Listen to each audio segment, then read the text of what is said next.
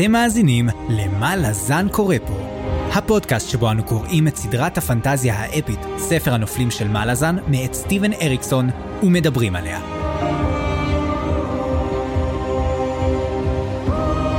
אני צפריר, ואני חיים. והיום פרק מספר 61, שבו אנחנו קוראים את הפרקים 19 ו-20, ונתחיל את החלק הרביעי, סופת הקוצר, בספר סופת הקוצר, הספר השביעי בסדרה. צפריר, במידה רבה אני מרגיש שבשבוע הקודם אנחנו התחלנו את הצלילה חסרת המעצורים לקראת הסוף, ובפרק הזה זה כאילו זה ממשיך את אותה צלילה אבל בגלל שזה בעצם פשוט כל הדמויות שלא נגענו בהן וכל מה שהיה מהצד השני של המתרס אז uh, זה מרגיש כאילו לא צברנו יותר מהירות אז זה דווקא טוב לא, אני מרגיש אני... שאנחנו קצת uh, יש לנו זמן לאסוף את החתיכות לא? כן תשמע שני דברים אני יכול להגיד אני יכול להגיד שבאמת אתה יודע מוקדם להגיד אולי אני מרגיש שהפרק הזה מה שקראנו שני הפרקים הם מין פרולוג של החלק הרביעי כאילו הם מכינים אותנו נורא נורא נורא יפה למה שהולך לקרות.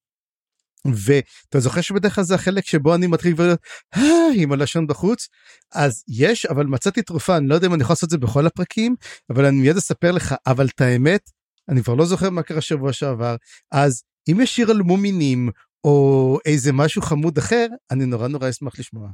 אין לי שיר על מומינים אני מצטער צפריר אה, אוקיי אבל אני יודע כמה אתה כמו שאתה אומר עם הלשון בחוץ ובלחץ ו... אני יודע שלפעמים הפודקאסטים שלנו עוסקים לפעמים בעניינים קצת מלחיצים. אז uh, בפרקים הקודמים של מה לזן קורה פה.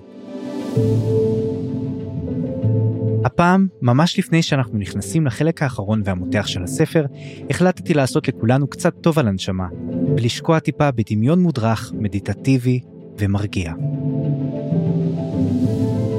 אז אם אתם לא מאזינים לפודקאסט בנהיגה או בריצה, אני מזמין אתכם לעבור למקום שקט, להתיישב או לשכב בתנוחה שנוחה לכם ולעצום את העיניים.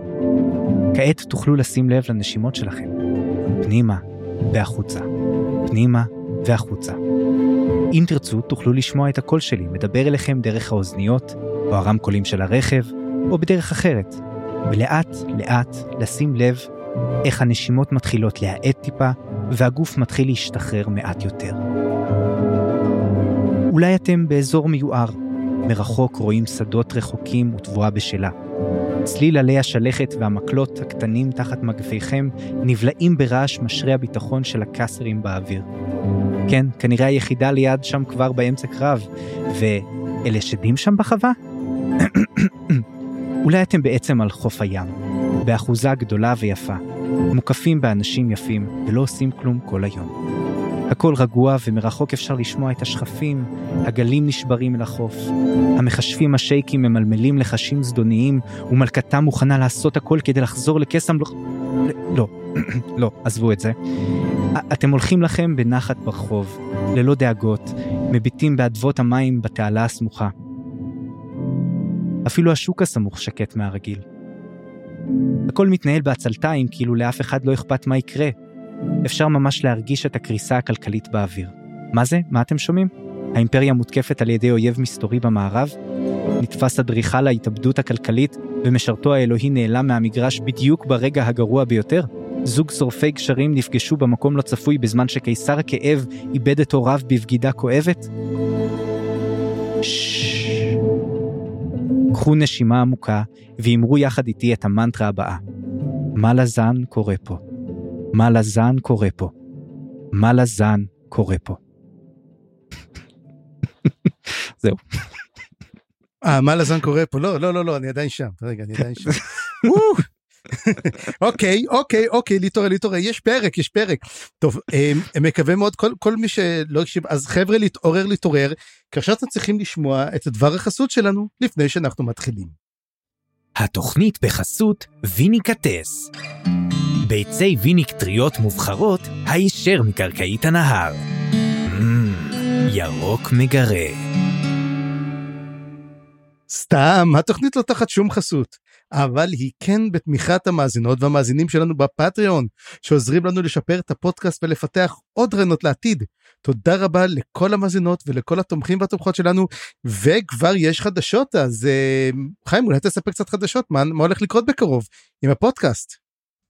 כן, אה, למעשה כשאתם כבר תאזינו לפודקאסט הזה אתם תשימו לב שאנחנו עברנו לבית חדש וזה הכל בזכות התמיכה שלנו בפטריון אה, אנחנו בעצם עוברים להוסט אחר אה, שנותן לנו הרבה יותר אפשרויות ועניינים אז אני מקווה מאוד לכתוב על זה פוסט מסודר כך שכולם כבר יהיו מעודכנים אבל אם אתם מאזינים לזה ולא ראיתם את הפוסט עד, עד כה אז יש למה לצפות. אז יאללה חיים קח אותנו פה בחזרה לחבר'ה שאני אישית הכי אוהב בכל הספרים חבורת ה-SRG. כן ה-SRG או הסרג חוזר לסורגו צפריר אה, ושמע יש אה, אצלי אריקסון מצליח מדי פעם לעשות את הטריק הזה שהוא כאילו מתחיל להכניס לנו עוד פעם את כל הנושאים שאנחנו כאילו חשבנו שאנחנו כבר מבינים ואז פתאום לעשות בהם טוויסטים מחדש. כל מיני עניינים של לור ובריאת העולם וכאלה ובפרק הזה היה המון מזה. אה, וגם בחלק מאוחר יותר שנדבר עליו. אז שמע אני לא יודע כמה שטויות אני הולך להגיד אני אני אשמח מאוד אם תתקן אותי ואם אתה לא תעשה את זה אני בטוח שאני אעשה יותר שטויות ממך זה בסדר. תשמע למה יש את הפודקאסט הזה נכון? הרי למה יש אותו? בשביל זה נכון אז אם אתה לא תתפוס אותי אז אני מבקש מהמאזינות והמאזינים לתקן אותנו בצורה נזעמת מאוד כדי שנדע כמה אנחנו טיפשים וככה נדע אה, להבא אולי אולי לתקן את דרכינו. אז uh, אנחנו חוזרים למסע של ה-SRG uh, בקורלט גליין כי פעם שעברה שהיינו איתם uh, קליפ עשה את הקטע הזה עם הטבעות פתח טבעות העוצמה uh, מי שזה טבעות הכוח דרך אגב ככה תורגם אצל עמנואל לוטם. טבעות הכוח. אז uh, נפתח השער הם עוברים לקורלד גליין ושמע זה לא קורלד גליין שאנחנו ציפינו לו אני חושב וגם הדמויות אפילו מעידות על זה. יחסית יותר מדי אור יותר מדי אור. כן. כן. למרות ש... טוב נדבר על זה עוד רגע. אז הרבה מנקודת המבט פה זה של סרן פדק ושל אודינס אני חושב יש הרבה קפיצות של נקודות מבט אז קשה ממש לחלק את הפרק לפי זה אבל אה, ננסה בכל זאת קצת להתייחס לדמויות האלה כי הן אה, מרכזיות במיוחד אנחנו שומעים את המחשבות שלהם וכולי. mm-hmm. אז היא מדברת הרבה על חרטות על הלבדיקט היא מתמודדת עם זה שיש לה בעצם את החיבור החדש הזה למוקרה והיא מצד אחד רוצה להשתמש בזה הוא כאילו מפתה אותה להשתמש בזה או יש לה פיתוי כזה ומצד שני היא מנסה שלא להשתמש בזה ופעם אחת היא כן משתמשת בזה בפרק ואנחנו נדבר גם על החלק הזה. אז אנחנו מבינים שיש לה המון טראומה המון אשמה מחשבות על טרל אה, במהלך הפרק הזה אה, פיר בעצם מודיע לה שמבחינתו הם אה, מאורסים והוא הולך לשמור עליה לא משנה מה אה, הוא אפילו מגן עליה מאודינס וזה נראה כאילו הדרמה הפנימית של סרן פדק עוברת להיות אה, גם סוג של התנצחות עם אודינס אבל אני לא יודע אם אנחנו עדיין קיבלנו את השיא של הדבר הזה נראה לי אנחנו נקבל את זה קצת בהמשך. מה אתה חשבת בכלל על ההתפתחות הזאת עם סרן פדק עכשיו? תראה סרן פדק תמיד הייתה דמות אהובה עליי זאת אומרת היא הייתה מאוד מעניינת אחת מהדמויות שאני שמח שממשיכה איתנו ואז את כל הקטע שהתחיל את הספר שהיא לא הבינה מה היא עושה גם אנחנו לא הבאנו ואז פתאום הגיע מוקרה. ואז מוקרה שלך תדע מאיפה זה הגיע כאילו גם כן אין לנו מושג מאיפה מוקרה פתאום הגיע אליה. היא מתחילה פתאום להבין מי היא כמו שתמיד אוהב אריקסון להכניס הקטע של האונס. מי אונס את מי, מי והיא קודם כל שאמרה שהיא היא רואה את עצמה כאונסת וכי היא אומרת שהיא גם אנסה היא מרגישה כביכול שהיא אנסה את הל בדיקט היא גם כן מרגישה את זה היא מרגישה שהיא עשתה את הכל והיא מרגישה שאולי בגלל זה היה מגיע לה גם להיאנס אתה יודע פיזית בעוד שהיא עשתה את זה נפשית לדמויות אחרות ואז היא צריכה להבין האם היא ממשיכה הלאה עם זה או לא ממשיכה הלאה עם זה וזה הפתיע אותי שהיא החליטה שהיא כן ממשיכה עם זה, זאת אומרת, היא כאילו embraces the dark side, היא, מבינה כבר שהיא לא יכולה להמשיך כל כך במה שהיא, והיא הולכת הלאה, אבל היא לא עושה את זה למען מטרה נעלה, אתה מבין? כאילו, אני הייתי אומר כאילו, אתה יודע, היא עושה את זה, זה היא, היא בסך הכל באה לרגל על אודינס, זה הכל, כי היא רוצה לדעת, כי היא מבינה שמשהו לא בסדר אצלו, אז היא הולכת לבדוק מה, ולהיכנס לחלומות שלו, לאנוס לו את המוח. בתכלס. לא אגיד שזה גרם לי לחבב אותה עוד יותר, אבל אני יכול להגיד שזה הם, כן גרם לי יותר ליהנות מלקרוא עליה, מכיוון שסוף סוף היא עושה משהו, כי סרן פדק הייתה דמות מאוד מאוד פסיבית, כאילו לא מדברת, רק עושה, עכשיו היא סוף סוף לוקחת משהו, ו... זה מעניין לראות את המערכת יחסים בעצם בינה ומה שקורה עם פיר, עוד דמות שכמעט לא נוגעים בה. סתם, אני אגיע פה משהו קצת סיידבר כזה פה. יש בעיה מאוד מאוד קשה לאריקסון בספר הזה במיוחד, זה שיש לו המון דמויות מעניינות. ובגלל זה רוב הדמויות האלו לא מקבלות זמן מסך. ואם מקבלות זמן מסך הוא זמן מסך מאוד מאוד קצר. ואז אתה יודע אתה אומר רגע ואני רוצה יותר על זה או אני לא מקבל מספיק מזה וזה לא משנה שהספר אלף ומשהו עמודים זה מצחיק אנחנו לא מקבלים כמעט כלום הדמויות כאילו אני אשאל אותך שאלה אחת קטנה. בכל הקטע שלנו איפה קטל. כן היא מקבלת נקודה קטנה בסוף ממש אה, רגע אחד קטן שהיא מדברת עם ווית'ר. כן בדיוק והיא הייתה דמות אולי אחת הכי ראשיות פה. הם, זהו זה כל מה שאנחנו קיבלנו ממנה אז אתה מבין אז כאילו הוא הוא אתה יודע הוא מראה לנו מה שאפשר הוא חי, הוא מג'גלג תשמע זה juggling מטורף כל הספרים שלו הם juggling מטורף ואני חושב שכבר הוא צריך להתחיל כבר עם כל הכבוד להיפטר מכמה דמויות כי אנחנו רק מקבלים יותר ויותר. בשביל זה הוא מינה אותך שתהיה נביא הזעם ותגיד לנו מי, מי יחיה ומי ימות זה התפקיד שלך oh. צפריר. אוקיי אוקיי אוקיי אז אה, טוב אתה יודע מה כל פעם שנגמור את הקטע ניתן את ההימורים שלנו לקראת הסוף ובסוף נראה כמה צדקנו וכמה טעינו. אוקיי אבל אני חושב שגם הרבה ממה שאנחנו רואים זה קרעים קרעים ובמהלך כל המסע של ה-SRG היו דברים פשוט הכל התנהל כמו שאמרת על קצת על אש נמוכה ופתאום הדברים מתחילים לקרות ולהזכירך רק בפעם האחרונה שראינו אותם אה, אני חושב שסרן פדק התנפלה על אודינס או משהו היה שם את הקטע הזה ו... אה, או שלא המחשבות שלה התנפלו עליו היא דמיינה את הל בדיקט. אה, היה משהו כזה בקיצור. כן שחונק אותה ואז היא מדמיינת את טרל כאילו מוציא את הל בדיקט ממנו כן בוא נגיד הם לא חברים הכי טובים. כן. בכל מקרה נחזור רגע לקורלד גליין כי כל הדבר הזה מתנהל שם. נראה שהאזור פה באמת אה, בקורלד גליין הם מתנהלים באור ולא באפלה. ומדברים על זה שיש פה בעצם את ההשפעה של האור על האפלה את אב האור ואם האפלה האיחוד שלהם הוליד גם את השילוב המוזר הזה וכל מה שהם רואים שם זה בעצם שום דבר חוץ מקצת אה, דגים נכון minnows זה סוג של דגים. minnows כן. כן בשלוליות אפילו לא משהו זה זה עולם. עזוב, דגיגונים זה דגיגונים קטנים כן. דגיגונים יש עולם עזוב אה, מאוד מאוד לא מפותח כאילו והם כולם כזה מה ציפינו למשהו יותר אה, גרנדיוזי מזה? אבל נראה כאילו סילצ'ס וקליפ דווקא מגיבים לזה בצורה מאוד טבעית. קליפ מסביר שאגב ה...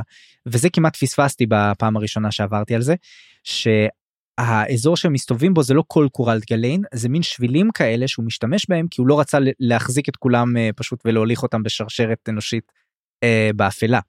עכשיו כל הסיפור הזה עוזר לנו גם באפיון של אודינס כי אודינס מסתבר שכבר מתחילים להיות לו איזה שהם שינויים פיזיים אה, או פיזיולוגיים והוא מסוגל לראות בחשיכה. הוא מבין מה מה קורה מסביבו וזה רק ההתחלה של השינויים שלו ועוד רגע נתייחס לזה יותר.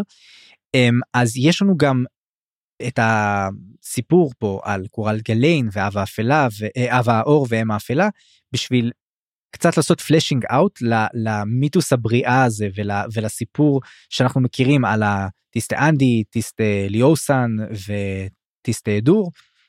מסתבר שכשאנחנו נכנסים עמוק לגאונולוגיה הזאת הרי חשבנו שאם האפלה הולידה בעצם את הטיסטה אנדי שהם היו הבנים הראשונים היצורים הראשונים של האפלה.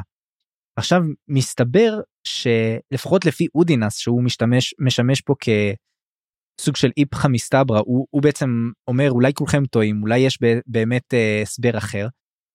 כל האלים הקדמונים מאיפה הם באו צפריר? הרי אם יש לנו את כל הסיפור הזה של הטיסטות והאם האפלה שבעצם לכאורה הייתה הראשונה כן כי אם היה את הכאוס ואחרי הכאוס היה פתאום משהו. מי זאת אם האפלה? והאם היא היחידה? ואם היא היחידה מאיפה באו האלים הקדמונים? אז יכול להיות שאת כל הסיפור שעד עכשיו שמענו עליו אה, קיבלנו מזווית ראייה מאוד מאוד מצומצמת. מאולי מקור לא מהימן אולי מנוגעים בדבר. והוא שואל דברים מאוד מאוד חכמים נגיד אם אה, האפלה הראשונה מה קדם לאפלה כאילו האם לא צריך אור בשביל אפלה אז אולי האור קדם לאפלה, והאם uh, צריך איזשהו חומר בעירה, צריך אש בשביל שיהיה אור, אז אולי האש קדם לאור, והאם צריך איזשהו חומר בעירה בשביל שיהיה אש. בקיצור, חוזרים אחורה אחורה אחורה, צבת בצבת עשויה, ואין ברירה אלא לומר אנחנו לא יודעים מאיפה העולם התחיל.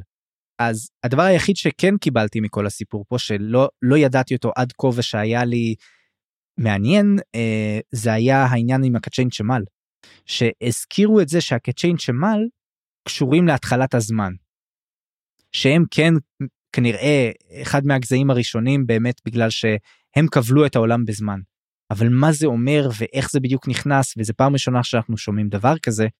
זה מאוד מעניין כל הסיפור הזה ואולי אתה כאיש של לור תוכל לשפוך לי מעט אור על הסיפור פה. כרגע קראת לי של תתה לור? כן. אוקיי יופי. אז אה, אני יכול להגיד שאמרת שזה נתן לך זה, לי זה נתן כאב ראש, אבל מעבר לכך, אה, אני אגיד לך מה, איך אני אהבתי את הקטע הזה שמדברים עם הטיסט עם כל הטיסטים אומרים רגע אתם הראשונים אז מי הם? אמרו אה זה אלו שאנחנו לא מדברים עליהם. אז זה כמו הזכיר לי אתה יודע זה הזכיר לי סדר פסח אצל אשכנזים שמי אלו אז אלו שאנחנו לא מדברים איתם זה זה הם לא ה, אתה יודע המוסקוביץ' המקוריים הם מוסקוביץ' אחרים הם גם עברתו את השם שלהם אשכנזים שבין שומעינו יבינו למה אני מדבר אבל לדעתי זה עניין ש... אה, עניין יהודי קלאסי לא חושב שזה ספציפי. אוקיי אוקיי אה, בכל מקרה העניין הוא פה. ש... כן אנחנו צריכים להבין מי, איך כל אחד אומר אני הייתי הראשון שם. עכשיו מה שכן היה מעניין שמדברים ומדברים על הטיסטה בלבד הם לא משנים אותו לטיסטה אדור טיסטה ליוסן טיסטה אנדי הם מדברים על הטיסטה זאת ממלכת הטיסטה. וזה קשור לעוד משהו שיופיע בהמשך דרך אגב. ו... בעצם האם אני, אני אשאל אותך פה אמ, זה שיחה שמופיעה יותר בהמשך על סקבנדרי. האם אתה שמת לב לשם השני שנתנו לסקבנדרי? אה, כן משהו אמורלניס. אמורלניס. ואז אמרו רגע אתה מדבר על הטיסטה אדור הרי אמרו רגע האם הטיסטה אדור לא הגיע כשילוב של האור וה, והאפלה? והתשובה היא לא. ולכן אמורלניס האם בעצם סקבנדרי שמובן שהוא גם כן הבן של אם האפלה הוא למעשה גם האח שלהם. והם מדברים רגע למה אתה אומר שזה זה אומר אה לא כי המיתולוגיה אוהבת שלושה תמיד יש שלושה. אמרו אבל רגע אבל אנדריסט הוא אח אמרו לו הוא אח הוא מת אז אנחנו נשארנו מקום לעוד שלושה שמה ולכן סקבנדרי פתאום נכנס עוד פעם לעלילה. וזאת השאלה בעצם אתה יודע כי האם מה שלמדנו בקצר לטיסטה זה לא אותו דבר האם למעשה כל הטיסטה עצמם הם גזע אחד והשימוש שלהם במשעולים. זאת אומרת, יש לך, היה לך את קורל גליין, היה לך את קורל דה מורלן וקורל דה ת'יר או קורל ליוסן, והם בעצם, מי שבחר להשתמש בו, בעצם זה שינה אותו, או האם האנשים שהשתמשו בו שינה אותם? זאת השאלה, האם בגלל הנתיבים שהם בחרו, ולמעשה כל הטיסטה הם עם אחד.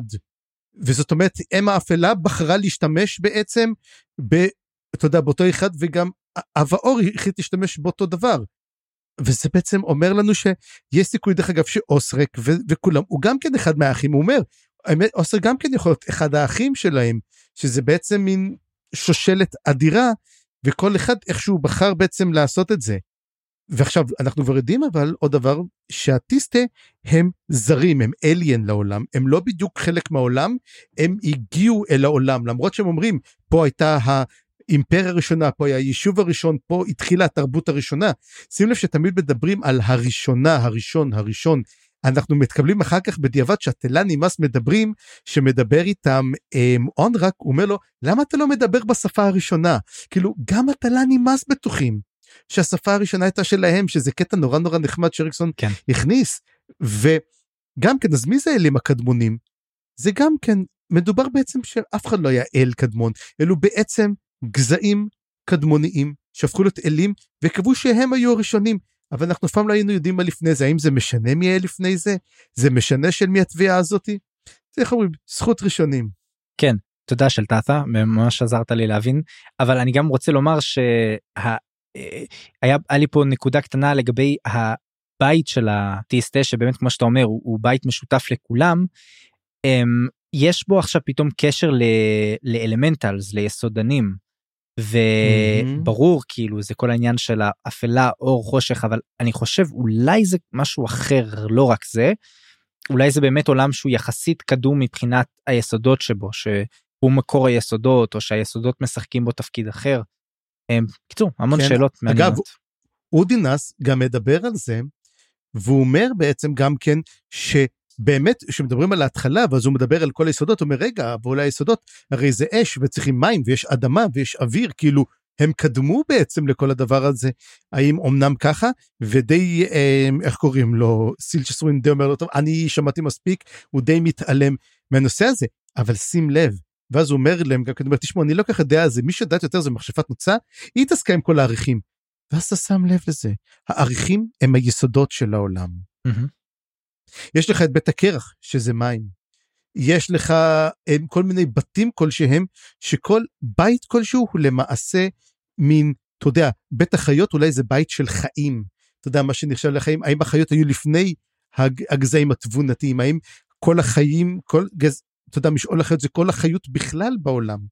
לא יש אלמנטים אה, יסודניים באלמנטים mm-hmm. יסודניים אבל יש את הקשר הזה בין המאחזים וגם אז כן, אבל שים לב דבר אחד מעניין, שבהתחלה כשהעולם נברא לא היה מוות, כי אין לנו הריח למוות בעיקרון.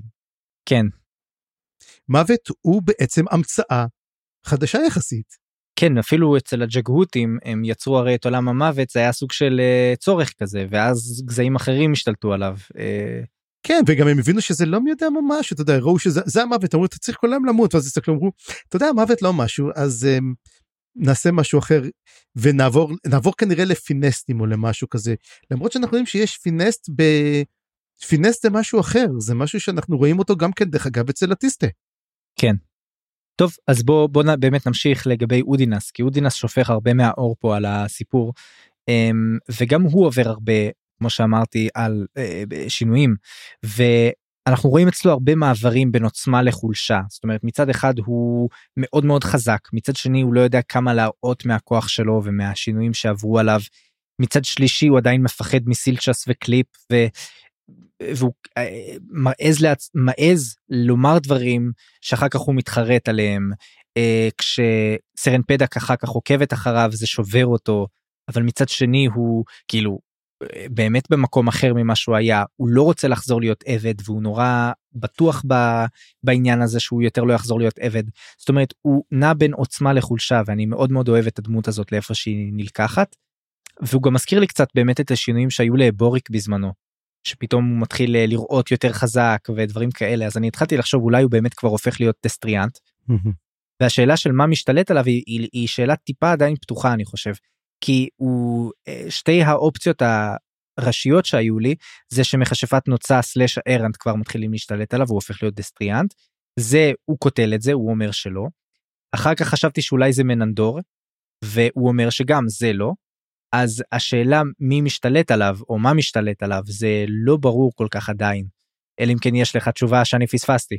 לי יש תיאוריה ואני חושב שזה ווית'ר. הרי ווית'ר צריך לזכור הוא טיסטה אנדי, מה שאומר שהוא רואה בחשיכה.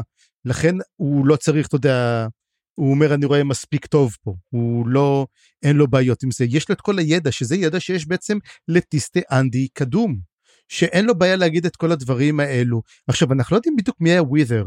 זאת אומרת, אנחנו יודעים שאחד טיסטה אנדי, אנחנו יודעים שהוא נלחם בקרב נגד אה, אותם נגד מי הם נלחמו? הם נלחמו נגד הקצ'ן שמאלה. רגע, אם אתה חושב על זה, כל הטיסטה נלחמו מול הקצ'ן שמאלה.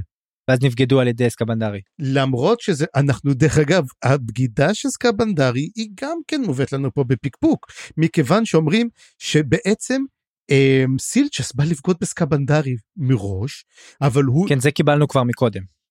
כן, והוא הפנה לו את גבו, זאת אומרת הוא ידע בגלל שהוא הסתכל לכיוון כלשהו שהיה חשוב יותר לזה. אה, איך אני אומר את זה? לך תדע. אה, שמע, זו תשובה טובה אבל. אני לא חשבתי על הכיוון הזה של ווית'ר ונכון יש לו דם אה, דם של ווית'ר מעניין מאוד אם זה באמת כל מה כל העניין או שיש פה משהו אחר טיפה. אגב אני חושב שגם ווית'ר עושה את מוקרה. אני חושב שהוא משחק עם סרן פדק הוא עושה את כל השטויות האלו. תיאוריה. תיאוריה. מופרכת? זה אתם תחליטו. בכל מקרה. כן או לא. אמ, אבל כן הוא יודע המון בלי ספק אודינס ואנחנו רואים באמת את הנוכחות החדשה על הדרך שזאת מננדור שעוקבת אחריהם. ויש אה, את הקטע שסרן פדק משתמשת במוקרה בשביל להפוך אותה לאיזשהו אה, נחש כזה ולעקוב אחריו אגב זה גם סוג של סימבוליקה של אונס אני חושב אבל זה מעניין מאוד אה, אולי אני קורא לתוך זה אני לא יודע אבל בעצם היא רק עוקבת אחרי אודינס. למה זה כל כך מטריד אותו? למה הוא באמת מגיב לזה בצורה כל כך רעה.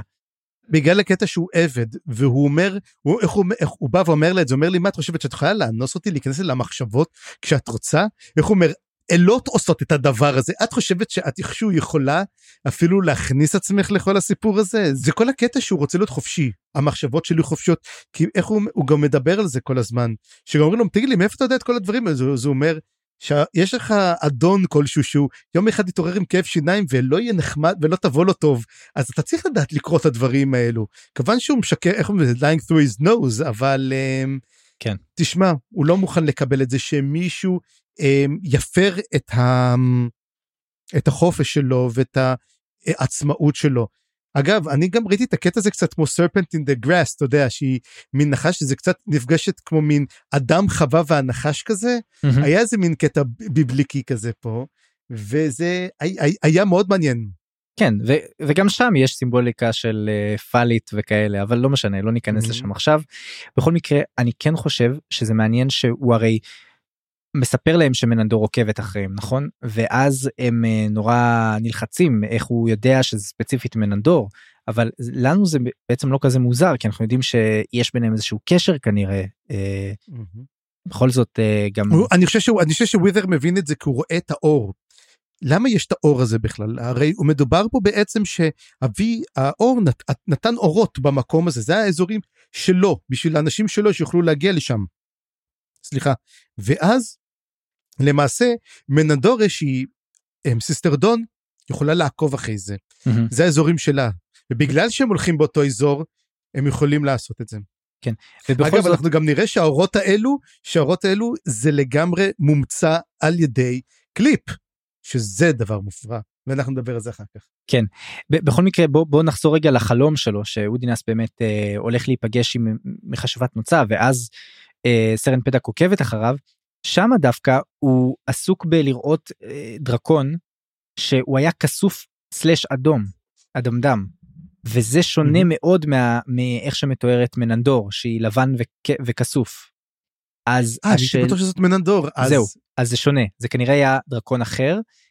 אני לא יודע מי זה היה אני מבין שגם אתה לא לא אין לך תשובה לעניין הזה אולי עכשיו אה, אני יכול להמר שאם אם זה ככה יכול להיות שזה אחת האחיות האחרות יכול להיות שהם מדובר א' יכול להיות שזאת אם כבר זאת זה אם כבר זאת יכולה להיות רק אה, סוקולנקדו. אוקיי סוקולנקדו אני אקח אה, ניסיון עוד אה, יותר מופרך. יכול להיות שזה רוד אלעל. רוד אלעל לא כל כך הופך להיות דרקון הוא לא אוהב לא. להיות דרקון. עדיין לא. אבל יכול להיות ש... ולמה הוא יהיה שם למה הוא יהיה שם בחלום הוא אפילו לא יודע. אה אוקיי אתה יודע משהו עכשיו אני אתמוך בתיאוריה המופרכת שלך כי כשהוא מדבר עם מנדור אחר כך, הוא אומר לה, אודינס בדרך. איך הוא יודע? יכול להיות שהוא ראה אותו. Mm. טוב, יכול להיות, תשמע, באמת זה נתתי את זה כיותר אה, יותר מופרכת מאשר תיאוריה אבל אה, בוא נמשיך אז יש לנו בעצם את אה, הפגישה עצמה עם מכשפת נוצה שם היא שוב מנסה לפתות אותו הפעם כאילו היא ממש אתה יודע על, עד הסוף כזה לגמרי מנסה לפתות וזה קטע קצת מוזר. במיוחד שזה ממש לא עובד לה וברור לנו נראה לי שזה לא יעבוד לה. אבל כאילו מה היא חושבת שאודי נסעת כדי כך מטומטם אמ, ו... היא מאוד שמה... מזלזלת בו סליחה היא ממש מזלזלת באיך היא אומרת לאריאנט אפילו הוא דביל הוא כזה הוא עבד מה הוא יודע כבר היא אף פעם לא הייתה לו דעה אז היא חושבת אם היא תבוא כאילו תעשה לו חנדלה כמו שנאמר זה זה ממש לא עובד. כן וגם הוא ממש מזלזל בה חזרה הוא אומר לה את חושבת שאת מצאת את הכוח את עדיין באותו מצב, מצב שהיית את שפחה את לא קולטת שאת שפחה. אה, לכוח יש המון אה, כבלים ואת בעצם מצאת רק מקום אחר להיות בו שפחה והוא די הוא די קולט אותה לדעתי הוא מצליח לערער אותה מאוד אה, במילים שלו. והיא גם קוראת לו דסטרה אירנט ש... או לעצמה שזה המקור האטימולוגי לדסטריאנט. היא כן. והיא רוצה שהוא יהיה השילד אנביל שלה. כבר, כבר שמענו את זה. לא, את שמענו סגול שמענו. טורד סגול שמענו, את דסטרה אירנט עדיין לא שמענו, לדעתי. אגב, אם אנחנו מדברים על הדבר הזה, יש איזה חידוש קטן לספר הראשון, שאני רוצה דווקא לחזור עד הסוף אחורה. ולמה? כי הרי Shield Anvil, אנחנו גם שמענו שגם טורד סגול, הרי מזכיר לנו את סגולה, נכון? ומה כן. המשמעות של סגולה? מדובר שזה, עכשיו, זה או Shield או Anvil. אני אומר שדווקא סגולה זה ה Anvil, זה, זה הסדן, זה המקום שבו מחשלים אותם. אבל אז האמת שאני ישבתי וקראתי, כי אני שומע את זה בדרך כלל, עכשיו קראתי וראיתי את האותיות, אמרתי, וואלה, טורוד, איפה ראינו טורוד? ואז נזכרתי, הטורוד קבל של דורוג'יסטן. הרי קבל המכשפים מכשפים של, זה נקרא טורוד. מה שהם קוראים לעצמם, המגן. הם למעשה המגן של דורוג'יסטן. וטורודל בריזד. טוב, נמשיך הלאה. סתם, אה, לא, אבל, אבל אז, אבל אז עלתה לי תיאוריה יותר מגניבה. מה אם למעשה יש קשר בין הטורוד קבל לבין הסגול? הרי תזכור, שניהם יושבים כמעט על אותה יבשת, בגנבקיס.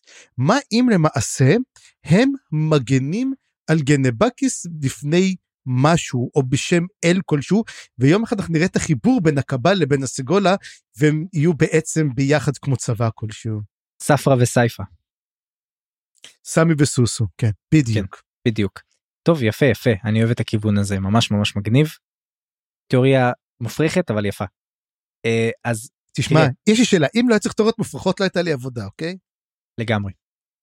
Uh, טוב, חייב לומר פה בנקודה הזאת שיש לנו בעצם נפנוף הן של uh, מכשפת מוצא והן של סרן פדק על ידי אודינס, אודינס די ממשיך uh, עסקים כרגיל. נראה לי שרק יש עכשיו קרע בינו לבין סרן פדק, מה שלא היה עד כה כל כך ברור. ומעניין אותי, אני, אני מאוד uh, התעניינתי מהקטע הזה, אני אשמח לראות מה קורה הלאה עם הסרג. כן, רק דבר אחד קטן, לפני שנסיים את כל הסיפור הזה, צריך לזכור שברגע ש... בין, איך קוראים לה, אמ, סרן פדק מסתכלת על זה, היא מתעוררת כשפשוט אודינס חונק אותה. ואודינס כמעט רוצח אותה, זאת אומרת לא דיברנו על זה, הוא כמעט רוצח אותה וחונק אותה, ואז הוא אומר לה, תגיד, את חושבת יכולה לעשות לי את זה? ואז פיר תופס אותו ואומר לו, תשמע, אתה מרגיש את החרב הזאתי? זה בסדר, אתה מרגיש את הדם? זה שלך. תרד ממנה, היא תחת הגנתי, אתה לא נוגע בה. יש פה אמ, מקרה, או-אה, אתה עושה את הפרצוף שיש לך תיאוריה. אני, אני, אני רוצה לשמוע את התיאוריה הזאת, דבר, דבר. לא, לא תיאוריה, אבל, אבל פתאום אני קולט שזה פשוט סצנה אחד לאחד ממה שקורה בהמשך עם נימנדר. שיש שם בדיוק משהו דומה, שמישהו בא להרוג מישהו ואז תופסים אותו, ואז תופסים את מי שתופס אותו. כן, זה פשוט אחד לאחד מקבילה כזאת, אני אוהב שאריקסון עושה את התקבולות האלה. הוא עושה את זה כן, רק האם זה אומר ש... טוב, אנחנו נראה באמת מה קורה שם, אבל האם זה יגיד משהו לא טוב? בוא נגיד ככה, אז בינתיים יש לנו עכשיו צריך חוב קטן, אה, 10G, מי אתה חושב שורד, מי אתה חושב שלא שורד סוף הפרק, סוף הספר, סליחה. אני אגיד לך משהו מעצבן, לדעתי כל ה-SRG שורדים. אה, Mm. נראה לי, יודע מה, או שהם כולם שורדים או שהם כולם מתים, כי ההתקדמות שלהם עכשיו לא נראה לי הם יגיעו לסוף התהליך שלהם. אה, אלא אם כן, לא, אני פשוט לא רואה אותם מסיימים את המסע שלהם כרגע, הוא רק התחיל. תשמע, אני מזכיר לך, מזכיר לך שהפרק האחרון, זאת אומרת, הפרק הלפני האחרון האחרון, הם למעשה, הם ספר קטן כלשהו. זאת אומרת שיכול, לק- הכל יכול לקרות בו. אמ, אז אני אומר הכל פתוח, אני חושב, האמונה שלי שפיר לא שורד איתנו את- סוף המסע. האמונה שלי שפיר גמור, אמ, סרן פדק היא מועמדת גם כן. לא לשרוד, היא יותר, יותר מדי טראגית והיא יותר מדי עוברת שינויים בשביל זה, ואני חושב שגם אמ, ווית'ר לא ישרוד, אני חושב שווית'ר גם כן אמ, יעזוב אותנו. כל השאר אבל די יש להם חסינות. אני אומר סילצ'ה סרואין. יא, חשבתי על סיטשס ווין אבל אני יאללה, סילצ'ה סרואין ימות. אני כל כך רוצה שימשיך. אוקיי אז באמת בוא נעבור בעצם אה רגע, צפריר, לפני שאנחנו ממשיכים לחזית המערבית, אני חייב לומר, בגלל שזה אה, קטע מאוד ארוך, כן אני הולך להשמיע לך שיר שהקלטתי בכל זאת, אוקיי אבל לא כתקציר, ואני לא יודע אם הוא טוב, אז אתה תשמע אותו ואחרי זה תגיד לי אם אתה רוצה שאני אכניס אותו לפרק או לא. אוקיי בוא נשמע.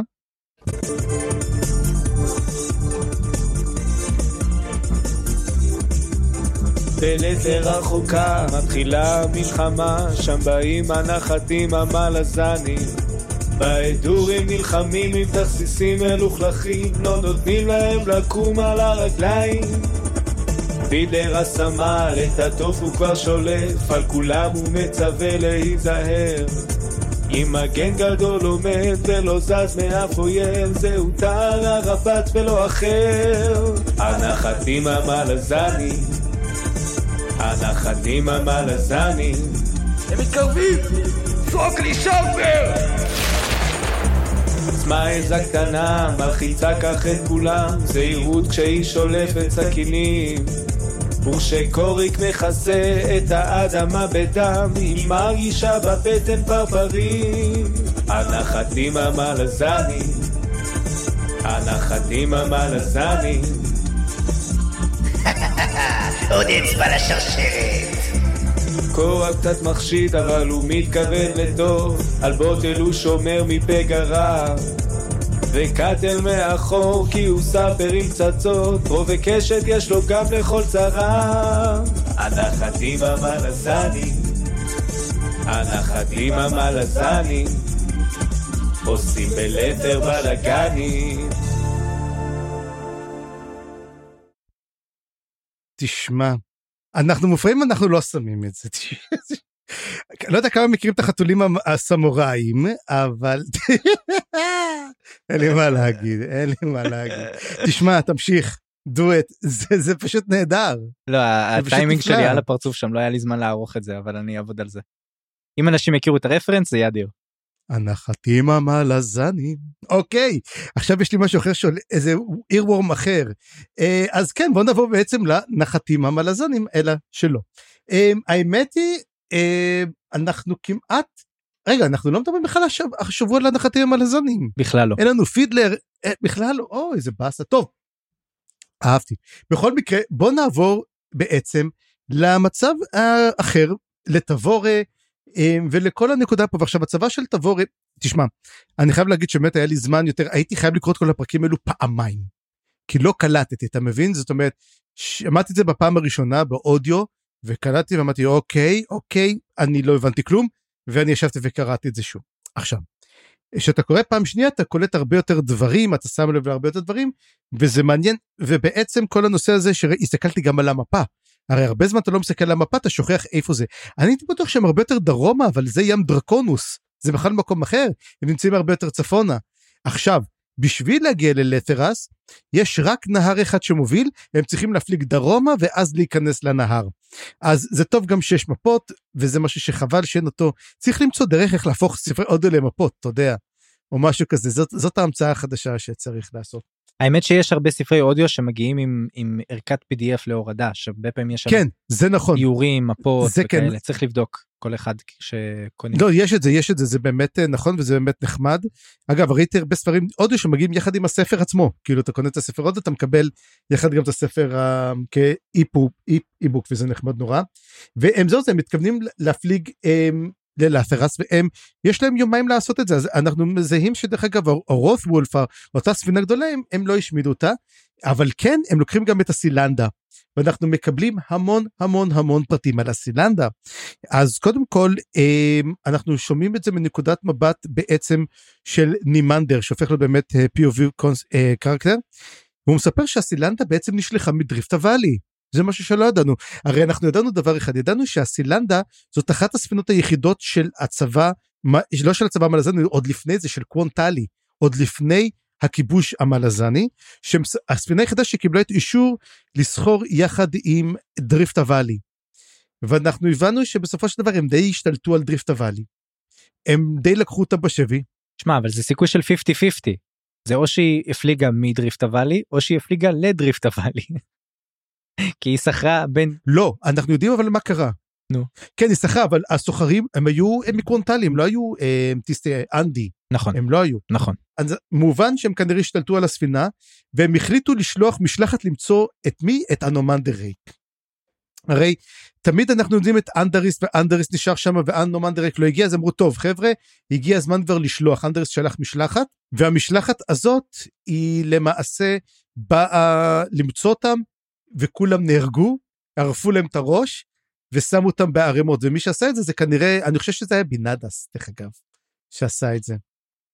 אה, וזה מה שכנראה קרה כי זה איזה קסם כלשהו והנה אנחנו רואים בעצם מה קרה ואז עכשיו אומרים להם להפליג את זה אז אומרים על מי נפליג? אני רואה את הבן דוד שלי מול העיניים, או אני רואה את הקרובי משפחה שלי חותרים.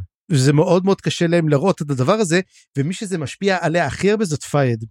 בפייד אנחנו כבר ראינו כבר פרק שעבר שהיא מאוד לא מסמפת את, אה, סנדלס דרוקורלט, והיא, אמ, הבנו שכמה שהיא מדברת עליה היא לא סובלת אותה, ועכשיו היא מחליטה להפוך את הרגשות למעשים, והיא מגיעה באישון לילה והיא באה אה, להרוג אותה.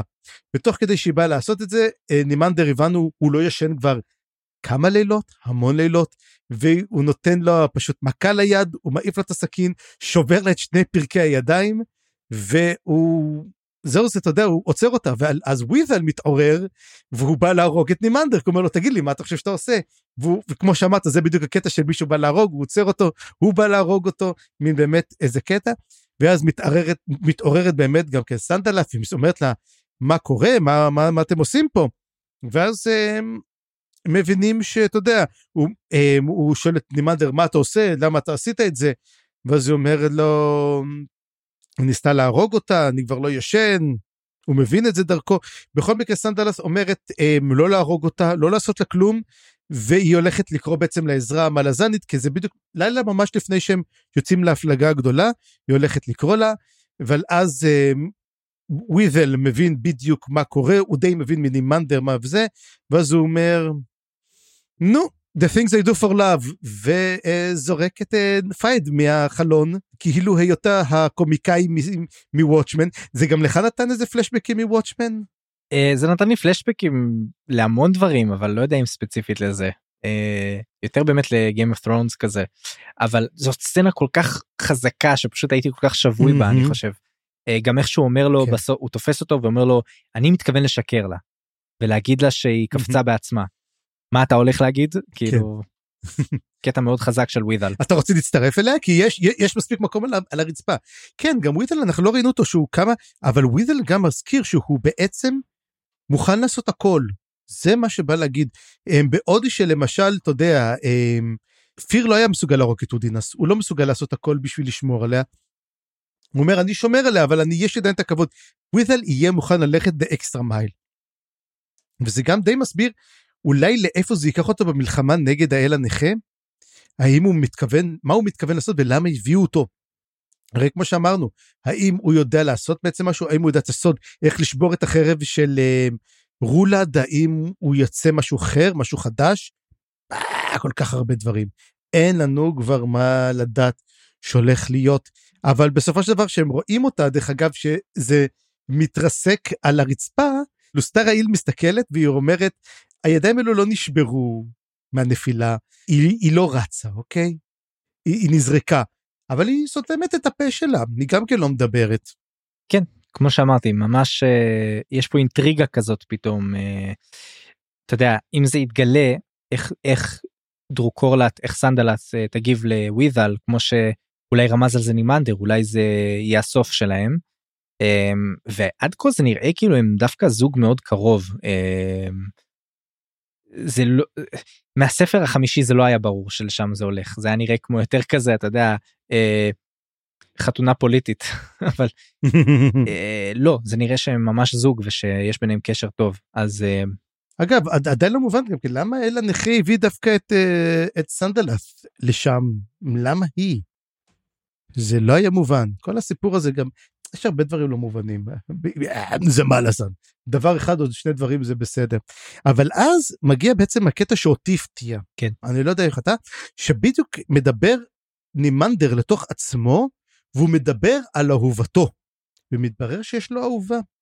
והיא אומר לו, ואומר לה, תשמעי, הייתי צריך לעשות את זה, ולמעשה אנחנו אה, נשארים עם אותם שייק, כי המשייק הם, הם הצאצאים שלנו. ואני אומר, אני עכשיו שאני מסתכל עליהם יותר ויותר, אני כן יכול לראות את הטיסטי אנדי שבהם, והם צריכים ללמוד להוציא את הפוטנציאל שלהם יותר, ולשם כך אני הגעתי ואני הולך להמשיך. וזאת השאלה שלי פה, מי זאת האהובה שלו? ומי הוא מדבר איתה, ומדבר שהוא מדבר איתה מהרגע שאנדריסט עזב אותם, מת. הוא מין, הייתה קצת לפני זה או פה, אז מי זאת בעצם? אני חושב שהזכרנו אותה פעם אחת, אם אני לא טועה, שהיא מתה בהתקפה על, דריפט הוואלי. אה, לדעתי אחת מהמגינים שמתו. Mm. אני חושב שעל זה הוא מדבר. אבל הוא עדיין מדבר איתה, הוא כאילו מרגיש שהוא עדיין מדבר. כן, כן. הוא קצת יש בו איזשהו קושי נפשי איזושהי טראומה או, או Mm. זה ברור שהוא לא אה, מתמודד עם זה בצורה מאוד מאוד טובה. אה, איך שהוא מדבר עם עצמו ו, וכאילו לא שלם עם זה או לא מתמודד עם זה. זה נראה זה נראה כאילו לא פשוט אצלו בראש אבל אה, זה גם נראה כאילו באמת יש פה תפנית מאוד מעניינת כלפי הטיסטיאנדים שהגיעו שם ואנחנו נראה שגם יאן טוביס אה, תגיב ל- למחשבה הזאת מהצד השני מהמם. וגם אני רוצה לומר שזה מעניין איך שהם הגיבו לסילנדה כאילו איך שהמלזנים ניסו בצורה די חפלפ להסתיר מהם את מה שקורה אבל הם הם טיסטיאנדי הם יכולים לשמוע הם רואים הם מרגישים וזה חתיכת מקום מזעזע בשבילם הוא אומר הייתי נשאר פה רק בשביל לא לעלות שוב על הספינה ההיא. אה, מהמם. רק בשביל לא לראות אותה שוב. כן, וזה מתברר מה שהם עושים, ואנחנו באמת רואים גם את יאן טוביס, אה, מגיעים למסקנה טובה, היא מדברת עם אח שלה, עם ידן, ומבינים, הם זקוקים לטיסטי אנדי, למעשה מדובר, האם אני צודק או טועה, בעצם לבלורוז החדשה. כי אנחנו ראינו שהבלורוז הקודם די הלך קפוט, ואולי יהיה, אתה יודע, יהיה משהו חדש, יהיה בעצם המשכיות של הטיסטי אנדי היא הם פשוט במיידן פורס, באזור הזה שם, הם יודעים שלא יהיה להם קל, אבל הם צריכים לראות לאיפה זה יוביל אותם הלאה. לגמרי אבל בשביל יאן טוביס זה גם איזושהי סוג של אמ, אולי סוג של גלגל הצלה פוליטי. הרי היא, המחשבים יודעים שהיא זקוקה להם. כי היא לא יכולה נגד אה, ברוליג בלי הכוח שלהם בלי הסמכות שלהם. אבל מה אם היא תשיג סמכות קדומה יותר ואלה בעצם מהמם. הטיסטי אנדי שהם השייקים הקדומים ביותר או האותנטיים ביותר אם היא תשיג את עזרתם או תמיכתם. זה יכול מאוד לעזור למסע שלה. אגב, אני חושב סתם, אני אלך את זה איתך סתם ככה, אה, אנחנו קוראים להם שייק. מה אם הם לא שייק? אלא, אני אגיד לך אפילו זה ככה, הם שקה. למה? תחשוב שלמעשה, הנומנדר ריק, אנחנו גילינו שהוא פורקה. רייק ושייק, אתה יודע, יש את הדברים האלו. מה אם למעשה, השייק הם למעשה הם, צאצאים של מישהו קדום מהטיסטי אנדי, שנתן להם את השם הזה. מעניין מאוד. כמו שראינו עד כה השינויים בשפה הראשונה שלהם באמת אה, אה, יש בהם הסברים אטימולוגיים כאלה ואחרים. אגב עכשיו שאני חושב על זה זה לא סתם לדעתי שאנחנו רואים שהרבה מהיבשת הזאת שהיא בעצם מקומה של האימפריה הראשונה קשור גם לטיסטיאנדים. מהמם. אה, יש פה נוכחות טיסטיאנדית קדומה מאוד מאוד רצינית. גם בבלו רוז גם אצל השייקים עמים כאלה שהיו פעם קשורים לטיסטיאנדים ולא סתם שהשפה אולי הקדומה של האימפריה הראשונה אולי גם קשורה איכשהו לשפת הטיסטה. עכשיו מה שאני חושב על זה זה מזכיר לי מין מיתוס פרומטאי כזה. אולי הטיסטיאנדי חברו ל- ל- לאימאסים או לבני האנוש לפני שהם היו אימאסים ואיכשהו נתנו להם אה, טיפים עזרה אה, ברית או משהו עשו להם uplifting, כמו שאומרים. כן. חנכו אותם. אולי אנחנו באמת, תשמע, איך אנחנו אומרים את זה? אנחנו כל כך לא אה, יודעים כלום על מיתוס הבריאה ועל מה שקורה. זה מדהים שאפילו שאנחנו יודעים הרבה, הרבה עוד כל כך חסר לנו. אה, גם כן. אגב, אם אתה הזכרת גם כן את הקצ'ן שמאלי, הם לא קוראים להם, קוראים להם קצ'רה. וזה אותו שם, דרך אגב, שמשתמשים בו החבר'ה של רד מאסק. ודרך אגב, יהיה לי עוד הרבה מה לדבר על זה גם כן.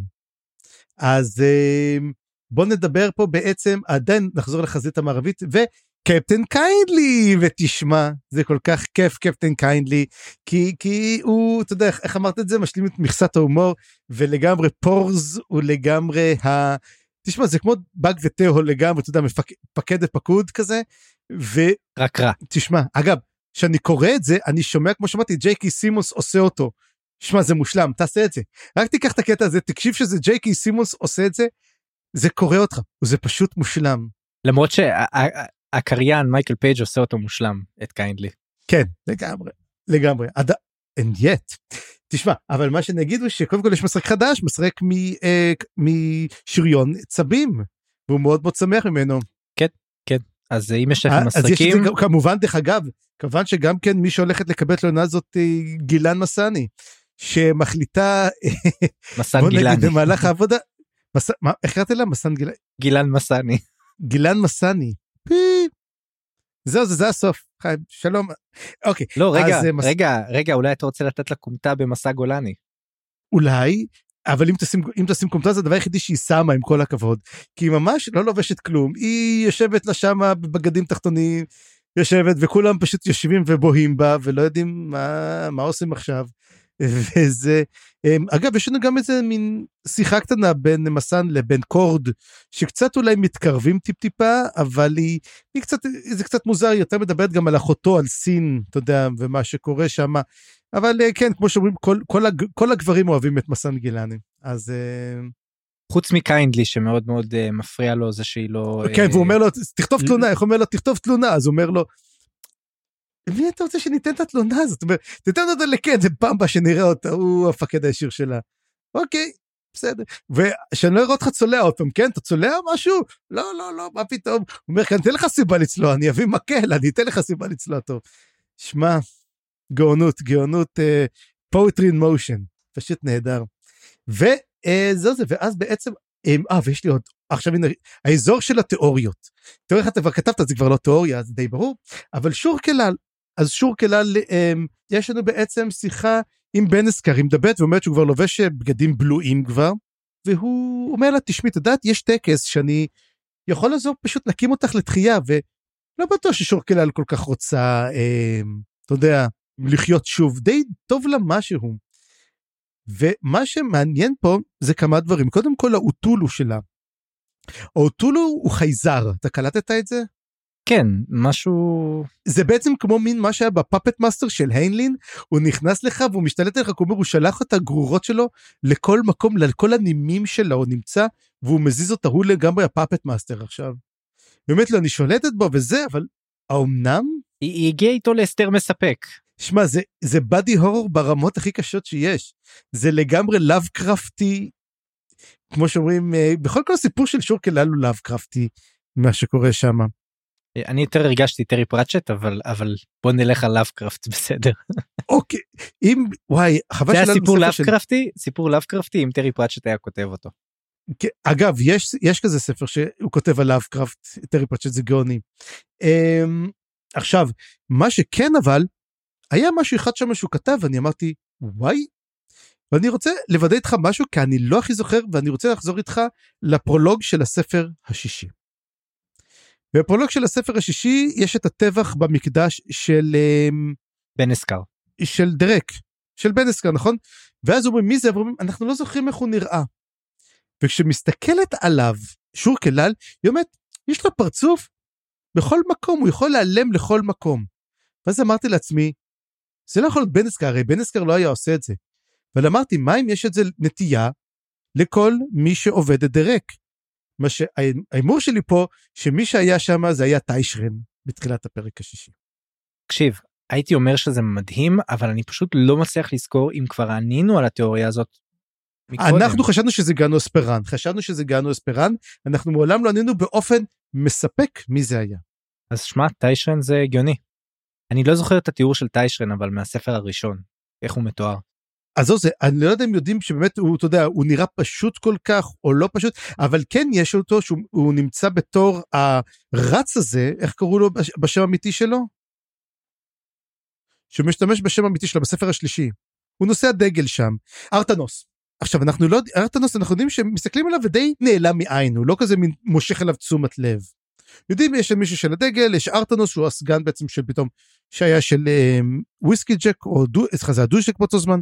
אז אני חושב סתם אני פשוט ראיתי את זה וזה מאוד מאוד הפריע לי הקטע הזה שהיא כאילו לא עושה את זה ואני יודע שהוא אוהב לשים איסטר אגס כאלו אז אה, הנה התיאוריה שלי זה היה טיישרן בעצם שחיסל את כל מי שהיה שם או שבדק מה שקורה שם.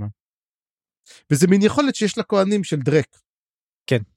לגמרי. ועכשיו אנחנו רואים את זה כי לפני זה בעצם בנסקר לא היה לו את זה אבל פתאום אנחנו יודעים שהוא כן מתחיל לקבל את היכולת הזאתי.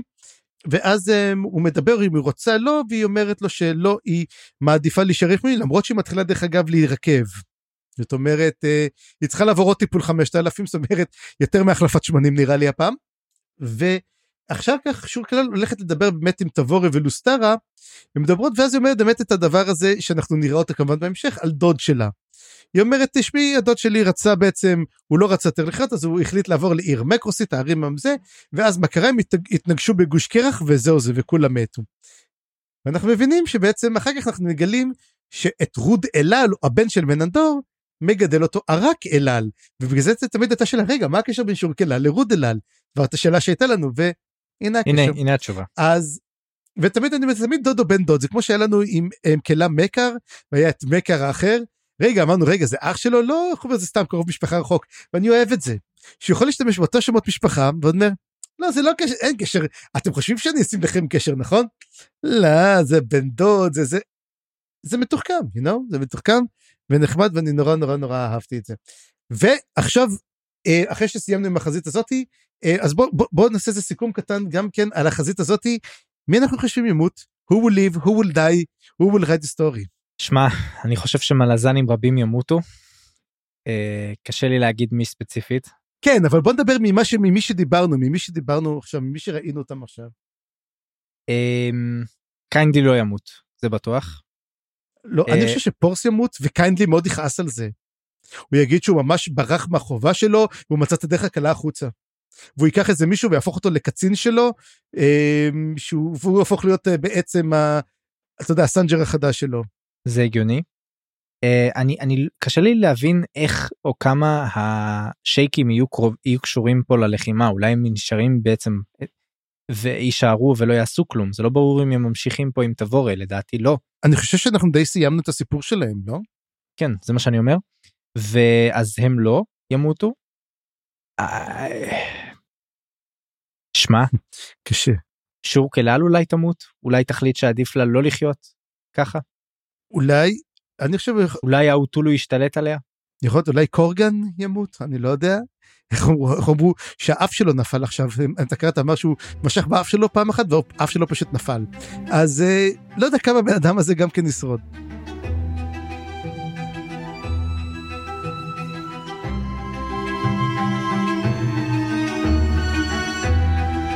אז בוא נעבור באמת לחזית שבה וואו כמה ימותו וכמה ימותו וכמה מתים כבר. אז החזית המזרחית מה שנקרא רדמסק והקונספירציה הבלקנדואית שאנחנו כבר מגלים מהאפיגרף כמה דברים מעניינים. דבר ראשון, הקונספירציה לא הייתה אמיתית בהתחלה, הייתה המצאה, אבל בעקבות כל מה שנעשו היא הפכה להיות אמיתית ובעצם כל הצבא וכל המדינות של באזור של בולקנדו, אקרין, ספינאנד וכל החבר'ה הטובים האלו הם זהו זה, הם עומדות, הם עומדות לפלוש ללת'ר. מה שנקרא נבואת קסנדרה. לגמרי נבואת קסנדרה, נבואה שמגשימה את עצמה. ומי כותב את הספר? אתה שמת לב מי כותב את הספר? אני שמתי לב ועכשיו אני כבר לא זוכר. מי, ש... מי שכתב אותו זה צאצא של, של ראוטוס איוונר. זה מישהו איוונר שהוא מדבר על, קורו... על ספר ההיסטוריה של לת'ר. והוא קורא לזה עליית האפר. זאת אומרת אנחנו צריכים להבין שמשהו רע מאוד מאוד מאוד עומד לקרות, אבל שראוטוס איוונר, אני לא יודע אם הוא הולך לשרוד את זה או לא, אבל הוא לגמרי הולך להעמיד צאצאים שאחד מהם הולך להיות היסטוריון, אז זה כבר היה מאוד מעניין. אז עכשיו בוא נתחיל קודם כל הם, על הסיפור של רדמסק וביבת, ואחר כך נלך בעצם לדרין, שגם שם קורים המון המון דברים מנהיגים, ודרך אגב תיאוריה שלי אחת קצת צדקתי בה, ואנחנו נמשיך. אז ביבת בעצם רודפים פה אחרי האולים. הם מגיעים למקום מאוד מאוד מעניין שקוראים לו קוסנטפי שהוא שם כמובן שם קדום הם מדברים לדבר ככה כאילו אומרים מה, מה הטימולוגיה שלו. עכשיו אתה הצלחת להבין מה הטימולוגיה שלו? לא. לא גם אני לא חשבתי אולי לתקן. אמרתי אולי קיבלנו רמזים כי כמו שהבנו על עמק השתיקה אז אה אגם גדול לא זה אגם גדול קוסנטפי אני לא בטוח משהו כזה אוקיי Mm. האם יש קשר לקוונטלי לך תדע קצת מזכיר אבל לך תדע. Um, בקיצור לא אבל יש קשר לקוונטאפי אוקיי הבן דוד של קוונט. לא כולם זה בני לא יכול דודים אפילו לעשות את זה לא כולם זה בני לא דודים יכול לעשות את זה עם פרצוף. לא אה, פרצוף חתום אי אפשר יאללה, ניסיתי. תמשיך תמשיך. אוקיי אז עכשיו הם הולכים בעצם לאותו אה, קוסנטפי נשמע כמו קללה. אתה משובח קוסנטפי. בקיצור הם הולכים עכשיו הם, לאותו מקום שזאת הייתה אחד משני דברים או שזה היה ים ענק, או שזה ים פנימי כזה, קוראים לזה אינר סי באמת, זה כזה דבר, או שזה... אה, אגם גדול. י- ימה, בוא נגיד או, ימה. או, גם, או, או ימת מלח, או ימת מלח. זאת אומרת, זה אחד מהשניים, לא יודעים יותר איך להגדיר את זה, אבל הם יודעים ש... וזה כבר התייבש לפני שנים, אבל כן הם קוראים לזה, יש את ה, מה שנקרא את החוף הישן. זאת אומרת, עדיין רואים את הסימן של איפה שהיה, התחיל פעם החוף, ואז יש אותם, והם הולכים. עכשיו, מה קורה? ברגע שהים הזה יורד עליו הרבה גשם באזור הזה, הוא פשוט הופך לבוץ. מה שאומר שכל העגלות של האולים לא ילכו, ילכו פשוט ייתקעו במקום. אי אפשר לעשות שם ריצה של אה, חיל פרשים, כי אי אפשר לעשות את זה בבוץ. אז עושים יכולים לשבור את הרגליים ולמות, ואומרים, כן, משני הצדדים אי אפשר. ואז למעשה, היא מתחילה להבין שיש פה איזה משהו, באמת, רגע, או שהוא דביל, או שיש פה איזה תוכנית. אבל מה? היא מאמינה דווקא שהוא עשה טעות. עכשיו, אתה כתבת פה באמת, נכון, שהיא אומרת, נכון, הוא, הוא הפסיד בקרב האחרון, עושה המון המון טעויות. וזו שאלה, האם הוא בכוונה עשה את הטעויות האלו כביכול, כדי שתחשוב שהוא לא כזה מנהיג טוב, ולכן הוא חושב שהוא יעשה טעות גם בפעם הבאה, והוא לא. כשאנחנו, כפי שאנחנו רואים בעצם, יש פה מלכודת מאוד מאוד גדולה, דרך אגב, אבל לפי מה שגם טוק אומר, לא בטוח שתהיה, שהיא תעבוד. כן, וגם כל הקטע של העגלות, הם מפרקים אותן, פורסים אותם ככה שאפשר Mhm. יהיה לעמוד בצורה יציבה ולא על בוץ. זאת אומרת, ההגנה תהיה כנראה במקום יציב. וגם יש את כל העניין הזה של אה, הם לא ממהרים לשום מקום, יש להם את כל העדרים שלהם, הם לא ימותו מרעב. לעומת זאת, הלית'רים הם אלה שזקוקים לאספקה, והאספקה מהעיר לא מגיעה. למה? כי יש שם קריסה כלכלית, יש בעיה של כסף Mhm. ואוכל וכולי. אה, לא, וגם לטורניק די זרק אותה, הוא לא מצפה כל כך שתחזור. כן אז אז כל העניין הזה יש הרבה דברים פה שפועלים לטובתו של רדמאסק חוץ מדבר אחד. הוא לא יכול יותר לרוץ והוא עם הגב לקיר. אין לו לאן להתקדם אז אה, אני חושב שזו תוכנית טובה מאוד. הם, שים לב גם כן מה הם עושים, הם מפרקים את העגלות ויוצרים במות מעץ. ולא סתם במות מעץ, אלא במות מעץ עם, עם קשר לבמה ענקית מאחורה של לריזרבס, יענו אם ברגע מישהו נופל, ישר יש צבא שמחליף. זאת אומרת, הם יצטרכו להילחם בבוץ, בעוד הם, יש להם חופש תנועה. זאת אומרת, הם לא יכולים להתקדם, הם יכולים לראות והם יכולים לעשות מה שהם רוצים. תוך כדי זה, דרך אגב, שאומרים, רגע, אבל מה עם כל הקוסמים? אז אומר גם כן רדמאסק, הולך לשלוח את הקצ'ן שמאלה שלו, כמו כרגיל, לטפל בקוסמים. עכשיו, אבל ביבת כל הזמן, וצריך לדבר על הנושא הזה, כי אנחנו לא יודעים איפה הוא מגיע, על בוני הגלעדים. זה מין דמויות עם פנים צבועות בלבן שבונים גלעדים מאבן, והם פשוט נעלמים כל הזמן. ובאמת השאלה, מי אלו אותם, אה, אותם אה, יצורים? אני לא מאה אחוז סגור לגבי זה אבל גם היא מזכירה אותם בהקשר של האנשים שהיא ראה, ראתה בקנויים שהיא חושבת שאולי זה קשור שהם קוברים אותם או שהם קשורים אליהם איזה שהם רוחות רפאים.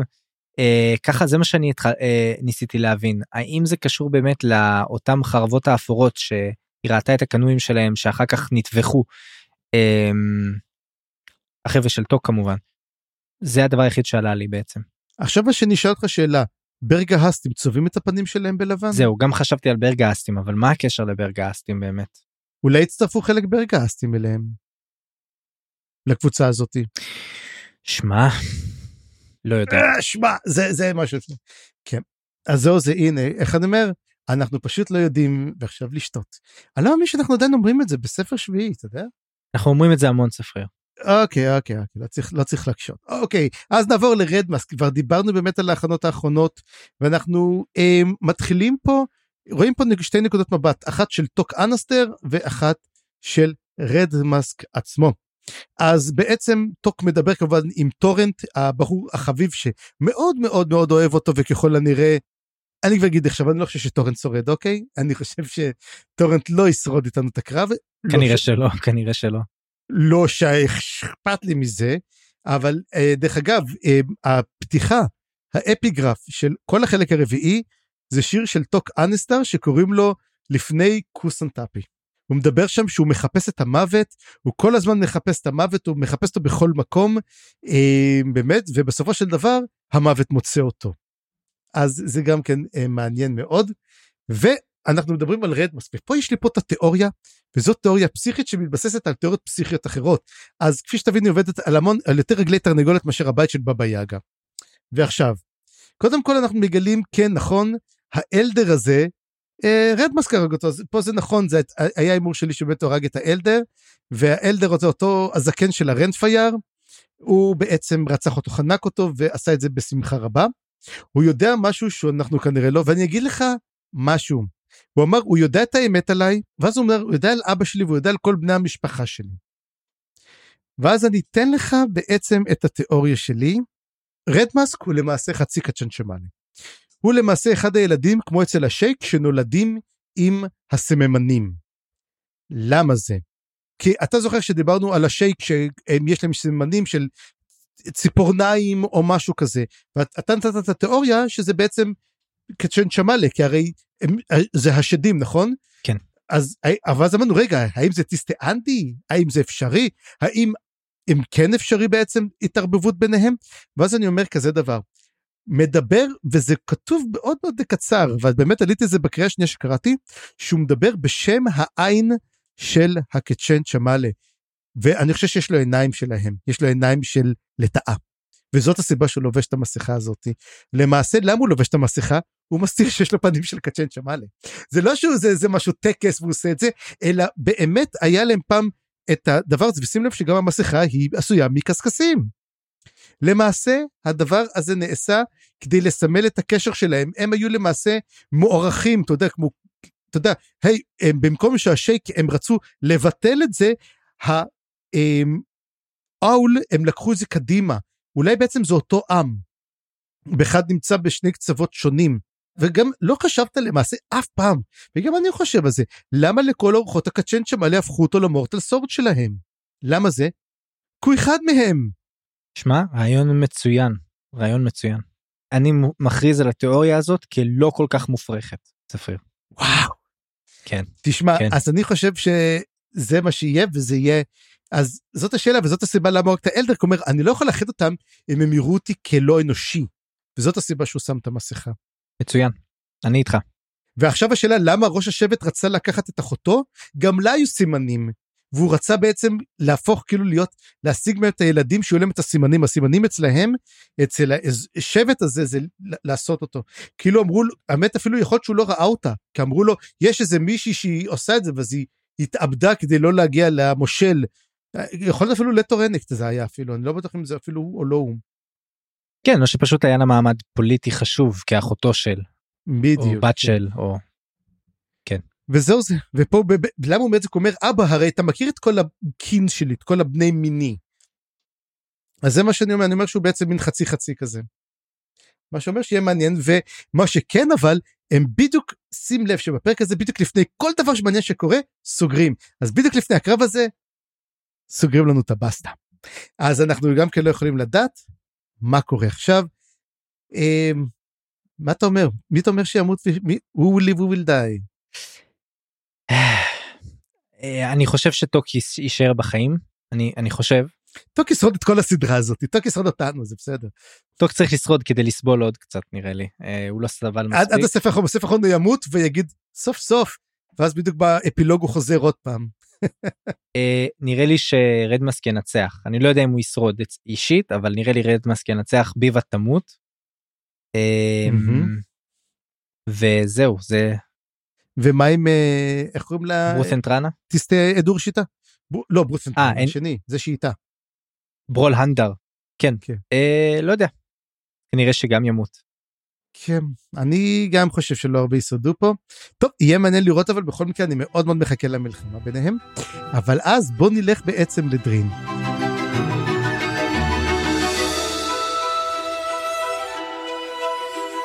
ובדרין קורה אחד הדברים המעניינים, מהומות בדרין. בעצם השפל הכלכלי הגדול הגיע לדרין, אין כסף, אי אפשר לקנות, זאת אומרת יש סחורה אבל אי אפשר לקנות את הסחורה הזאת. הם כנראה לא מאמינים במה שנקרא בברטר שמה. כמו שאומרים, הם משועבדים לאדון האכזר מכולם שזה הכסף. והם מבינים שזהו זה, ראוטוס אה, הרי הבין שזה הדבר הזה הולך, אבל משהו מעניין מאוד מאוד קורה. הם באמת פוגעים, מנסים לפרוץ ללטור אניק, לאחוזה שלו. כמובן שרוצחים את כל, אף אחד לא מצליח להיכנס, אבל הם לרגע לא פודר, פוגעים באדורים שנמצאים, הם קולטים אותם כאדונים, הם מבינים גם שהבעיה לא בהם, הם הולכים אליהם.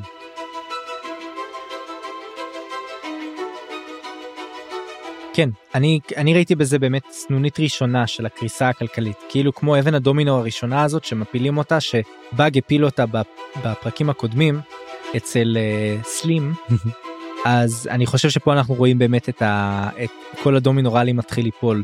ואם בדרין זה קורה אז גם בלתרס זה יכול לקרות ובכל מקום באימפריה.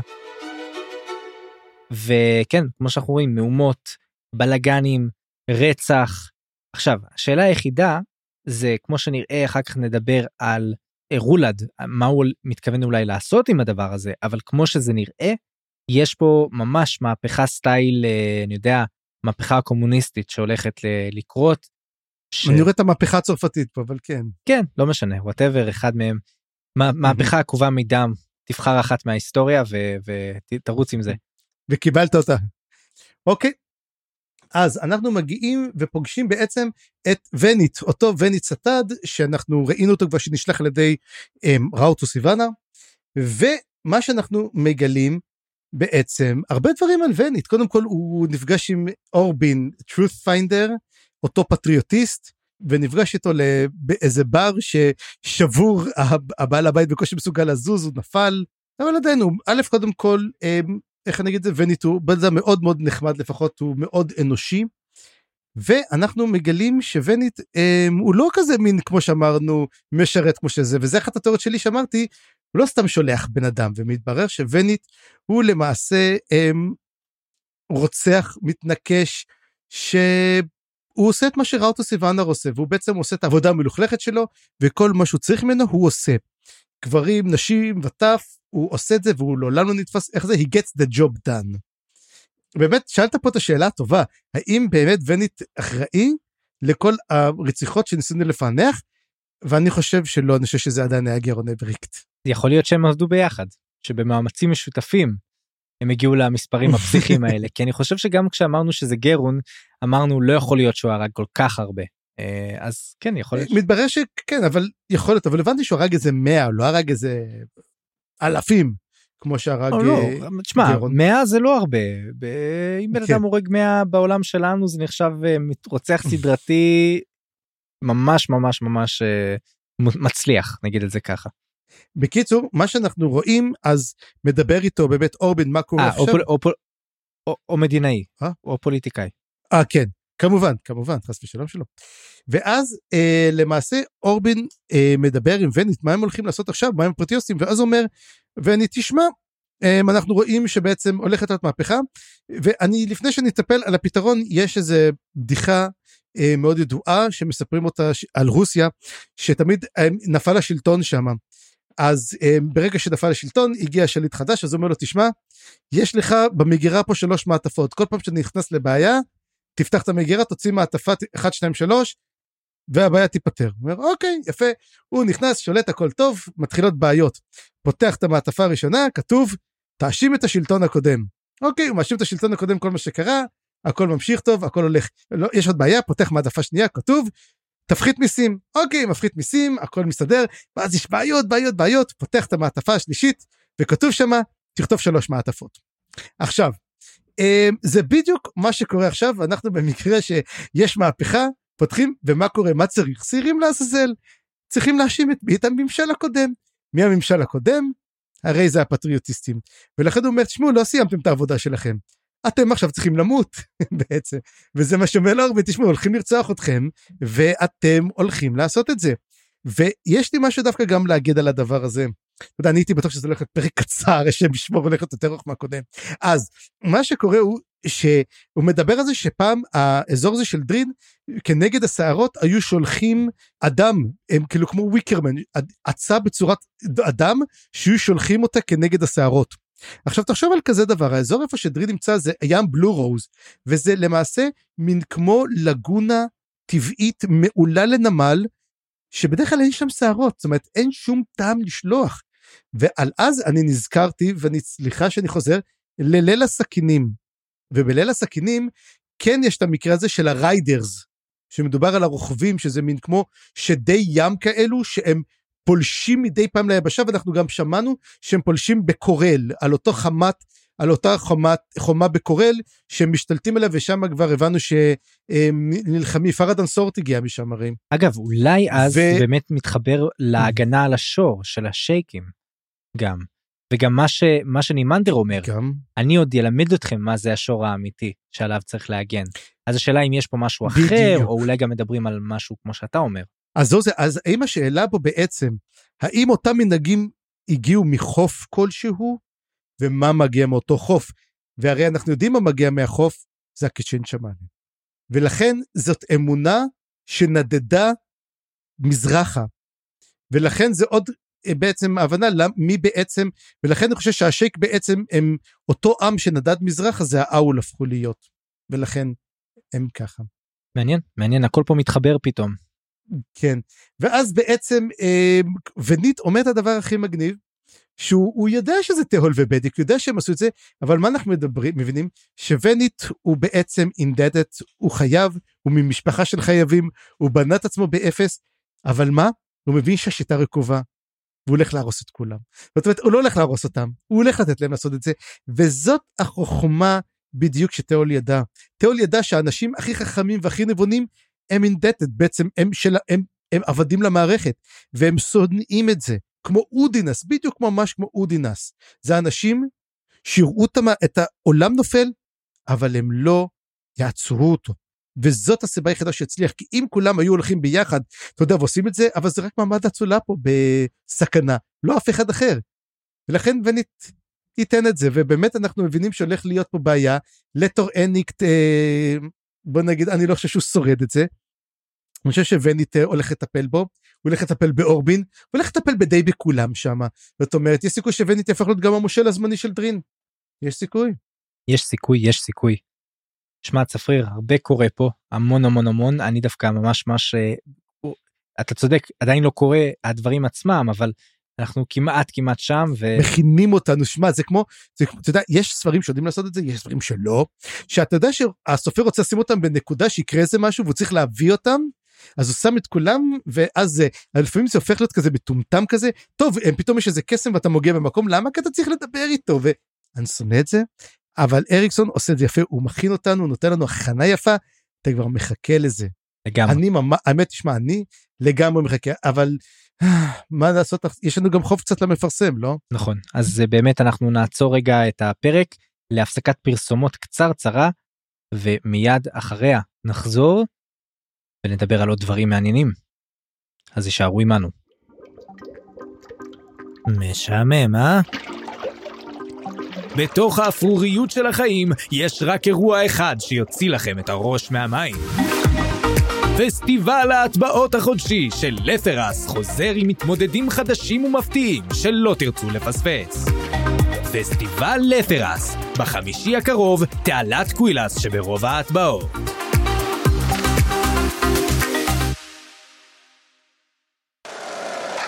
מסריקים!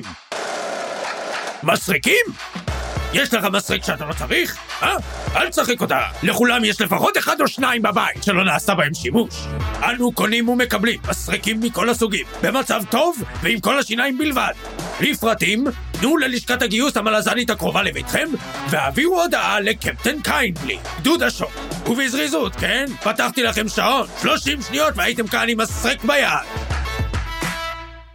כן כן כן גם קפטן קיינדלי אז הקבג שזה השם הזמני ש... שאני נותן להם אה, צפריר אני הבנתי שכל הזמן הזה אני כותב טראל ואונרק וזה וזה אז עזוב פשוט קבג קוויק בן gang נראה לי בינתיים נקרא להם ככה אחר כך אפשר לשנות אני חושב שזה בסדר, בוא, בוא, בוא נשאר, בוא נשאר עם קבג, זה נהדר. יאללה קבג.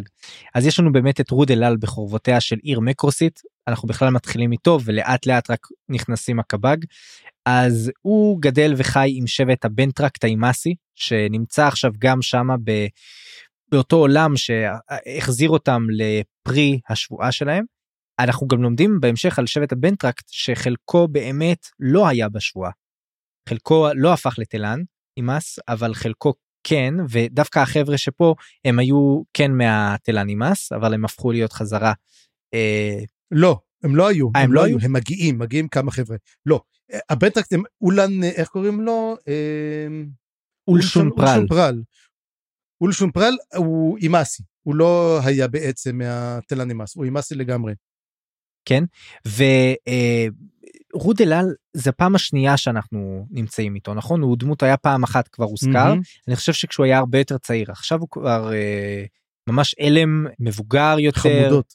וממש אה, אה, חזק והוא גם לא טיפש הוא כבר מבין את המצב שלו הוא יודע מי אבא שלו יודע מי אמא שלו ובאמת הוא נפגש עם מננדור בפרק הזה והוא מדבר איתה היא מנסה לגייס אותו בקרב או המלחמה שהולכת לקרות עם האחיות שלה והוא לא כל כך אה, רוצה הוא די מנפנף אותה אני חושב יש לו הרי הוא גדל עם המשפח עם המשפחה המאמצת שלו במיקרוסים כן ו- ועכשיו אה. הוא עם האימאסים והוא גם יודע שאבא שלו זה אודינס והוא כנראה יותר מחובר אליהם מאשר למננדור והוא די מנפנף אותה.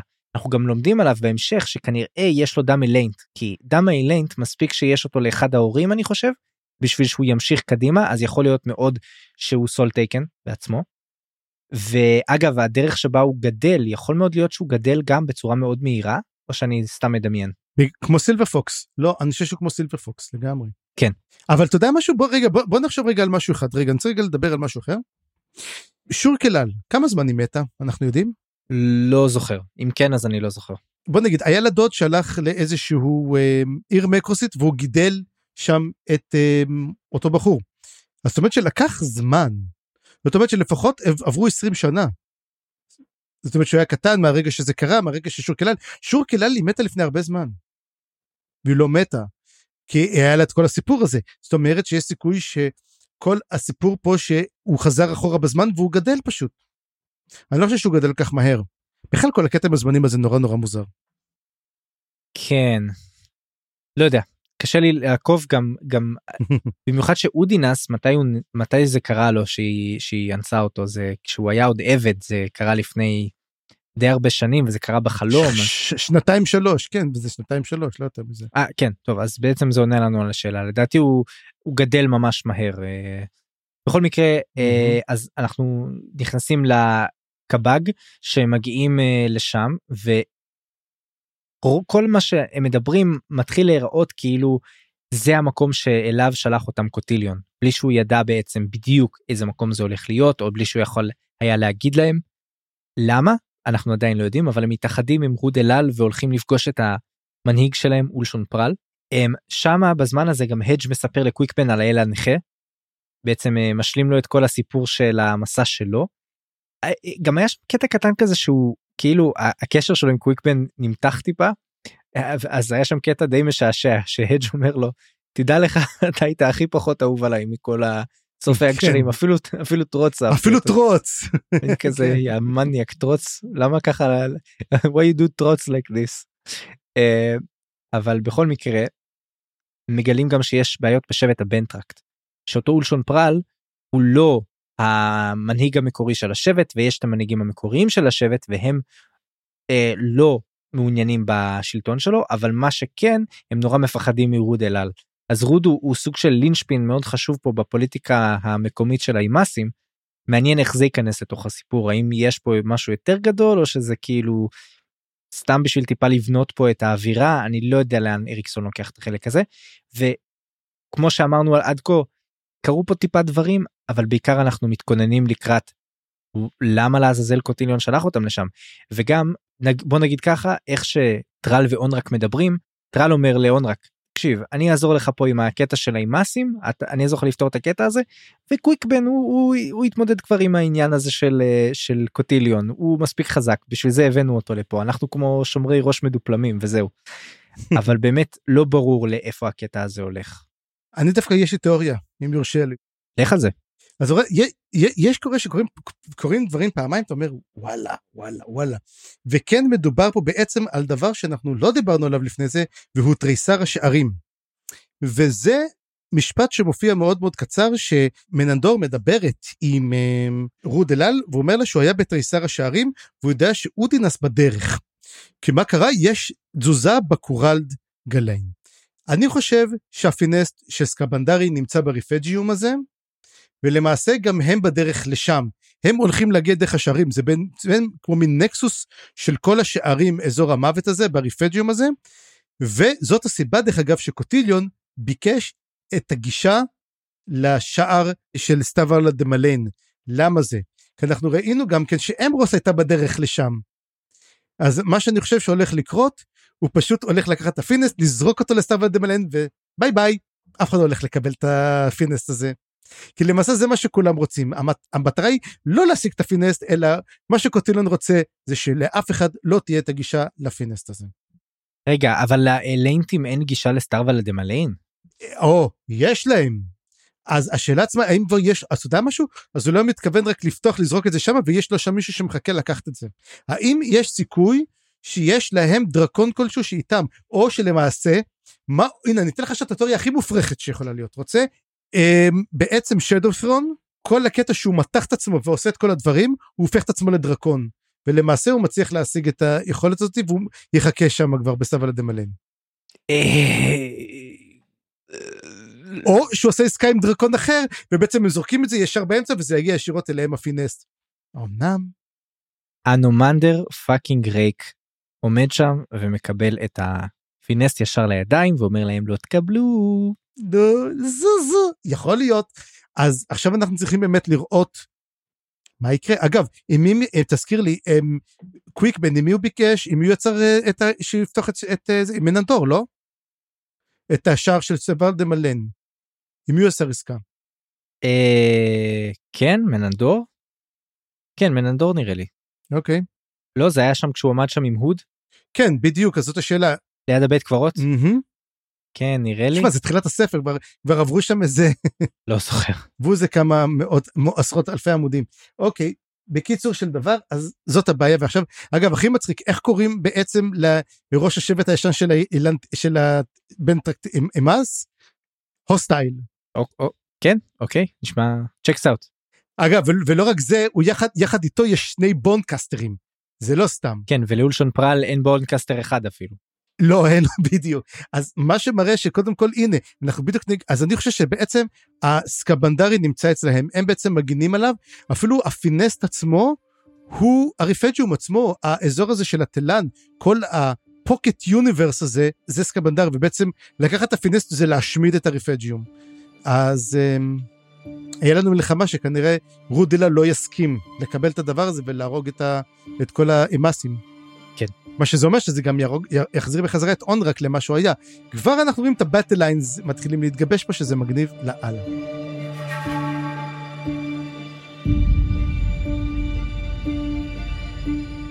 לגמרי. אז בוא נעבור ללת'ר ונראה מה קורה שם. צפריר, אז קח אותנו. כן, אז כמה דברים קטנים. אמ, קודם כל, נתחיל את הקטע. אמרתי, אני שלטת הלור, ואני אוהב לור, ויש לנו כל כך הרבה לור בצנה הנוכחית, שזה. שברוסן טראנה אה, מתחיל לשחות מתחת לים, והוא מחפש, והוא כבר לא זוכר מי הוא ומה הוא ומה הקשר שלו לעולם, אבל נראה שכן, מה שבעצם עשה לו אה, חנן מושג עבד, הוא למעשה כן שלח את הנשמה שלו לחפש את, את אולם השמות, אבל הוא לא זוכר, אז הוא מגיע לבית, והוא רואה שמישהו, וה, והאור למעלה דלוק. והוא מגיע לבית כזה בקרקעית האוקיינוס שיש שם בחוץ איזה מישהו שבדיוק אה, נמצא אומר לו או מה שלומך בוא כנס בוא כנס. אמ, אתה שאלת אם זה בית עזס אני אומר כן לגמרי זה בית עזס בקרקעית האוקיינוס. כך זה נראה נכון? אני כמעט בטוח שזה בית עזס. א', והוא השומר של בית עזס. והוא, יש לו אורחת, ואומר, תשמע, מה שתעשה, וזה הזכיר לי את הקטע ממלון של פולטי, Don't mention the war. ראית את המלון של פולטי? פולטי טאוס, בטח. אז זהו, Don't mention the war. וזה כמובן קורה. אז אותו דבר, זה לא להזכיר דרקונים, אל תדבר על דרקונים, תן לה לעשות מה שהיא רוצה. אבל היא מזכירה אותם, היא, היא כאילו, זה כל הקטע המצחיק, שהיא פשוט, הדבר הראשון שהיא שואלת אותו זה דברים על, אה, שקשורים לדרקונים. זה לא, אני אגיד לך מתי, אגב, אני בדקתי בדיוק את הנקודה שבו הוא אומר, אוקיי, הביקור הסתיים, תודה רבה, ואני אגיד לך מה. אז מה שקורה הוא, קודם כל אנחנו מגלים באמת שהוא פורקרו לסייל, קוראים לו נקלס, שמאוד הזכיר לי סוניק, ואמרתי אוקיי זה לא הוא. עכשיו האם יש לזה קשר ל Knuckles of the Soul? צריך לחשוב על זה צריך לחשוב על זה. מעניין לא חשבתי על זה לא, לא הגעתי למסקנה אם כן או לא אז אמרתי אני אעלה את זה. אני פשוט מעלה את זה האם יש לו קשר גם כן?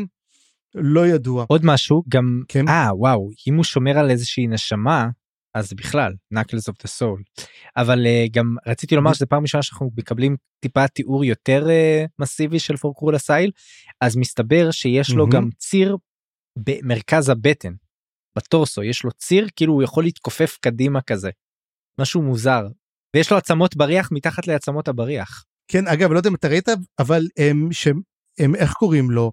הם מצילים אותה בספר הרביעי אותם אה, נו, נו החברים של אה, קרסה אורלונג אז היא באמת מתכופפת ככה. היא ככה עולה והיא עולה כאילו עם הדבר הזה. גם כן בדי הור לחלוטין. וגם אה, יש פה קטע מצחיק שקילמנדרוס כמעט אה, מגלה את השם האמיתי שלו שהוא מעדיף להסתיר. היא קוראת לו סטש סץ' סץ' סץ' עכשיו כל הדבר הזה מס...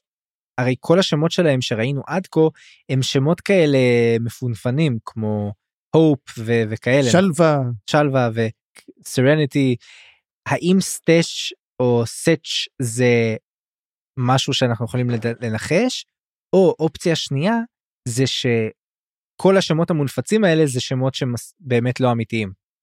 שהם כמו נקלס. לא בטוח לא אמיתיים. זה נקל זה אוהבים לקחת שמות שלהם הם זה כמו השמות האמיתיים אתה יודע שהם אולי מסתירים אותם אבל השאלה אני חושבת רגע אנחנו מכירים איזה סט סטץ' משהו? לא לא מוכר לי אבל אני כן אגיד לך משהו. אני גיליתי שגיליתי אה, כאילו סוד גדול. שמתי לב שבדרך כלל אם אריקסון אומר איזה חידה שאנחנו לא מבינים אותה בפרק הזה היא תבוא בפרק הבא. זאת אומרת אנחנו כן נגלה מה שעושה בפרק הבא אז keep your ears and eyes open כי בטוח הולך להיות לנו איזושהי שאלה. אז uh, כמו שאני אומר לשים לב לזה. עכשיו מה שכן הוא מתחיל לדבר איתם אנחנו באמת פוגשים את קילמנדרוס. אמ, עכשיו קילמנדרוס אני לא יודע אם אתה שמת לב היא גם כן פורקרול אסייל. אה, היא אם הפורקרול אסייל. והוא, גם קורא הוא קורא לה אימא. היא כן היא האם של הפורקרול אסייל והיא גם פורקרול אסייל. היא גם ענקית והיא כמובן מחפשת תבנית. הוא אומר לו למה אתה אומר הפורקרול אסייל אוהבים תבניות. זה מה שהם אוהבים. אז בגלל זה היא מסתכלת על עצמות ואיך הוא אומר לה עשיתי נתתי לה משהו להסיח את הדעת הוא סתם היא מחפשת היא מחפשת אתה יודע, הוא נותן לה לעבוד סתם וזה כמו באמת בית הזז השומר שנותן בעצם לאנשים שתחת שליטתו את ה... זה ואנחנו מבינים מה קרה לקילמנדרוס וקילמנדרוס בעצם כלוא בבית הזת. עכשיו בית הזת מתחת לים שזה מעניין שלא מדובר על כל יבשת יכול להיות שיש גם כן בית הזת של הים. האם יש לנו בית הזת באוויר? לא גילינו. ופה בעצם ברגע שמדברת אז באמת אמרת ביף עם הנומנדר ריק אז הנומנדר ריק אה, כן היא לא סובלת וכמובן לו כמובן הנומנדר פורקי היא לא קוראת לו ריק הנומנדר פורקי לא סובלת אותו אה, פה אני רוצה בעצם לתת פה מה שאני קורא לו הנומנדר ריק כמשל לג'ק ספרו. והנומנדר ריק כולם בטוחים שהנומנדר ריק הולך לבגוד בהם מתישהו. אבל הוא לא עושה את זה כי הם בוגדים בו קודם כל. כמו שמדובר היא הייתה בטוחה שהנומן דרק הולך לתקוף אותה בגלל זה היא קפצה עליו מאחורה היא עשתה בדיוק מה שעשתה מה שעשה סקבנדרי אבל הוא ניצח אותה מה שגם עשה אוסרק. הוא אומר לה ומה עם אוסרק באמת לא גם הוא עשה את זה מתברר שבעצם כמו שאומר ג'ק ספרו הוא אומר לו אתה, אתה אומר אמת אומר אני תמיד אומר אמת אני לא מבין למה לא מאמינים לי. ואותו דבר גם הנומן דרק כולם בטוחים שהוא הולך לבגוד אבל הוא לא הולך לבגוד באף אחד כולם פשוט חושבים שזה מה שהוא יעשה. עכשיו שאלה למה כולם חושבים שהנומנדר ריק יעשה את זה? מסקנה שלי הוא כבר עשה את זה. ואני חושב שהוא עשה את זה לאימא שלו. Hmm. כי זה היה אמור להיות מפורסם משהו שבלתי נסלח. ואז אומרים אוקיי הוא בגד זה הולך לקרות ואותו סיבה למה גם כן סקבנדרי עשה את זה לסילצ'ס רואינק אומר אה אתה גם תעשה את זה זה מין משהו שמין טבוע בהם. זה מאוד פרוידיאני גם מה שאתה אומר פתאום זה שזה כזה מהמם. אה, הוא עשה את זה לאימא שלו ועכשיו אה, הם הולכים אה, כל האחים הולכים לעשות את זה אחד לשני גם ולא יודע כן אה, אה, נשמע הגיוני אבל בינתיים יש לנו היה לנו סיבה לחשוד שהנומנדר ריק הוא גם אם הוא בדק בגד באימא שלו האם הייתה לו סיבה טובה לבגוד באימא שלו. Mm, זאת השאלה אנחנו לא יודעים עדיין מספיק על זה. אגב שים לב אם אתה זוכר בפרולוג שבאמת קילמנדרוס פוגשת את הנומנדר ריי וזה כנראה הזמן שהיא מנסה בעצם לעשות לא את זה. לפני אחרי אגב, זה כי היא הם מפחד- קופצים יחד לתוך אחרי אחרי אה, מה זה היה הם קופצים ביחד לתוך אה, קורל דה מורלן אני חושב ולהגן עליו מכל המגנים ואולי אחרי זה היא בוגדת בו. או תוך כדי זה. כן היא גם קוראת לו אז לסקבדאי קוראת לו אמורלניס. שם אנחנו בעצם שומעים את השם הזה לראשונה. אגב ברגע שאומרת את המילה סקבנדרי פעם ראשונה סקבנדרי אז אומר איך קוראים לסט אוקיי תודה רבה בעצם הוא לא רוצה שהיא תזכור מה היא עשתה לסקבנדרי כי הרי היא זו שהרגה אותו. בסופו של דבר. שמע כל הסצנה הזאת גם מעבר לזה שמדובר פה באלים וכאלה זה ממש מזכיר סצנה של איזושהי אה, מישהי מבוגרת בבית אבות והיא כבר לא איתנו כל כך והבן שלה מנסה לטפל בה וכאילו זה פשוט היה כזה אותו דבר אבל אבל ממש לא. כן. לא זה נכון ובסופו של דבר אגב יכול להיות שבאמת זאת אמא שלו בוא נדבר ברצינות יש סיכוי שזאת אמא שלו אז אמ, אנחנו כבר רואים תמיד שיש איזה קטע של ילדים ואבות ובית עזת. הורים אז אנחנו צריכים לשים לזה לב והוא הולך אומר לו אה אתה מחפש את הנתיב אין בעיה. לך בנתיב אתה תגיע ישר לבית הגיבורים לאלים המתים. אז הוא אומר לו רק תלך בנתיב. הוא אומר ללכת בנתיב אז הוא אומר רגע למה אני הולך בנתיב כאילו אה, הוא ממש מתחיל לשכוח אתה יודע יש לו ממש כמו מין אה, קצת הרגשה של דמנציה כזאת, אתה יודע, הוא, הוא לא קשור כל כך למוח שלו, הוא כן יודע שיש לו משימה והוא לא זוכר מה היא. אבל אותו, אותו נקלס באמת מזכיר לו. הוא מזכיר לו מה הוא אמור לעשות. מזכיר לו אבל הוא די שוכח כל פעם, הוא די, הוא די גם יוצא מהבית והוא לא כך זוכר מה בדיוק הוא צריך לעשות. זאת אומרת, אנחנו צריכים באמת לראות מה הולך לקרות. וזהו, ועכשיו אנחנו מגיעים לכל מיני נקודות קצת יותר קטנות, אה, פחות מעניינות חייב להגיד, אבל למרות שהפרקים האלו הם ממש מצויים.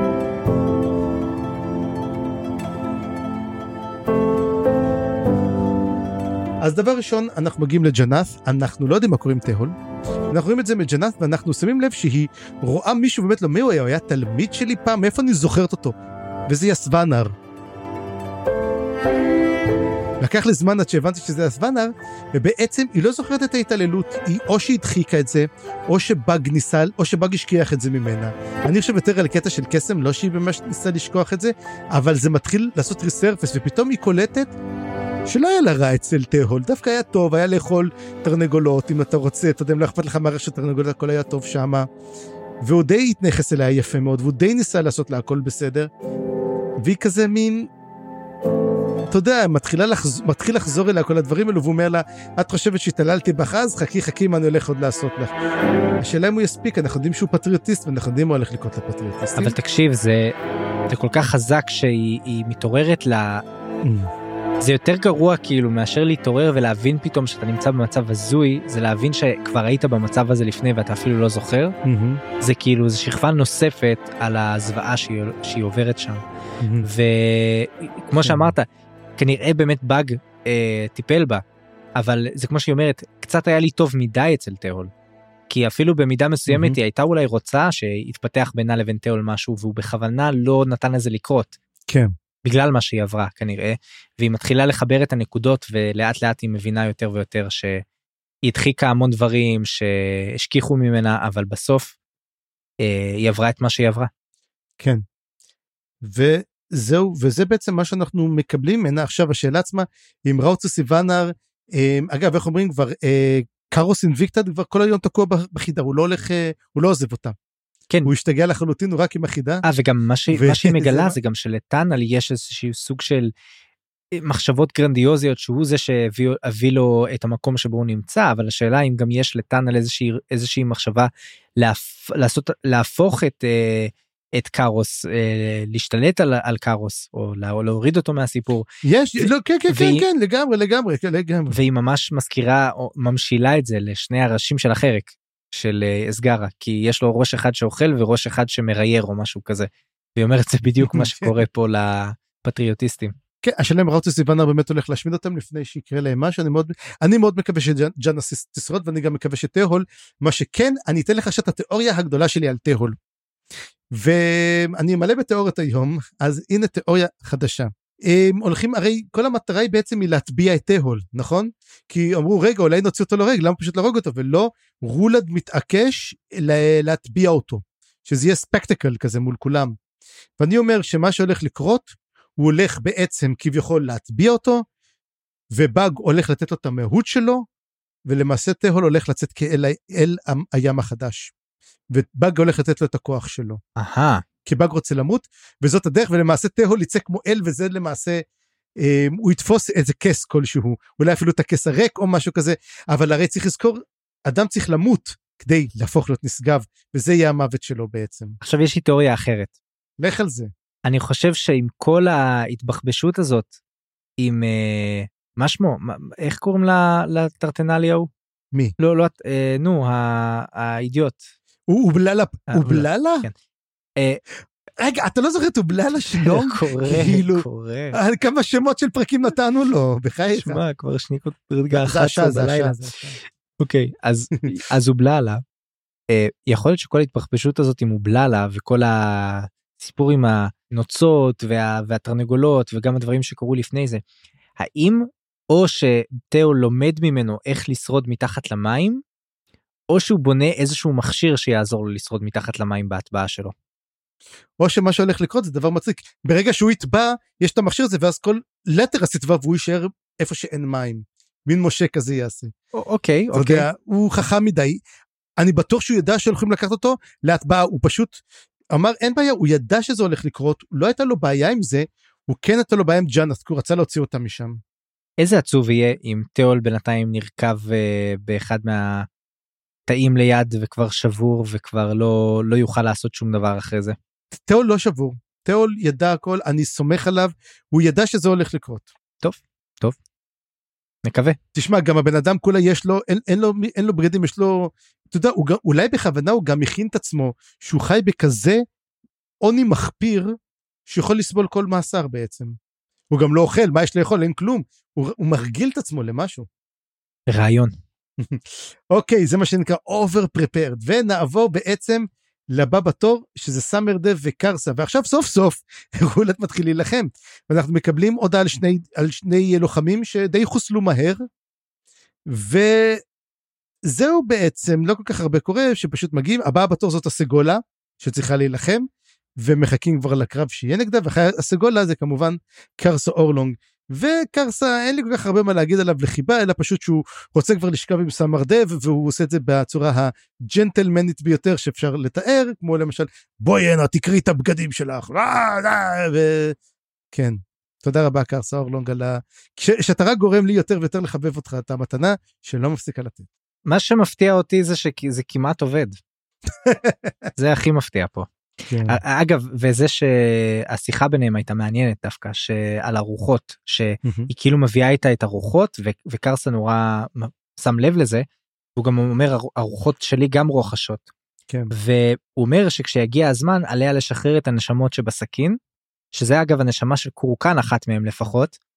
אה, אז האם לקורקן יש עוד תפקיד שאנחנו לא יודעים עליו אה, וגם כשקרסה אומר שהרוחות שלו רוחשות זה כי אה, הן מוכנות לגרוע מכל מבחינתם דווקא זה טוב אם הוא הולך למות משהו כזה. אה. ו- זה הולך לשחרר אותם.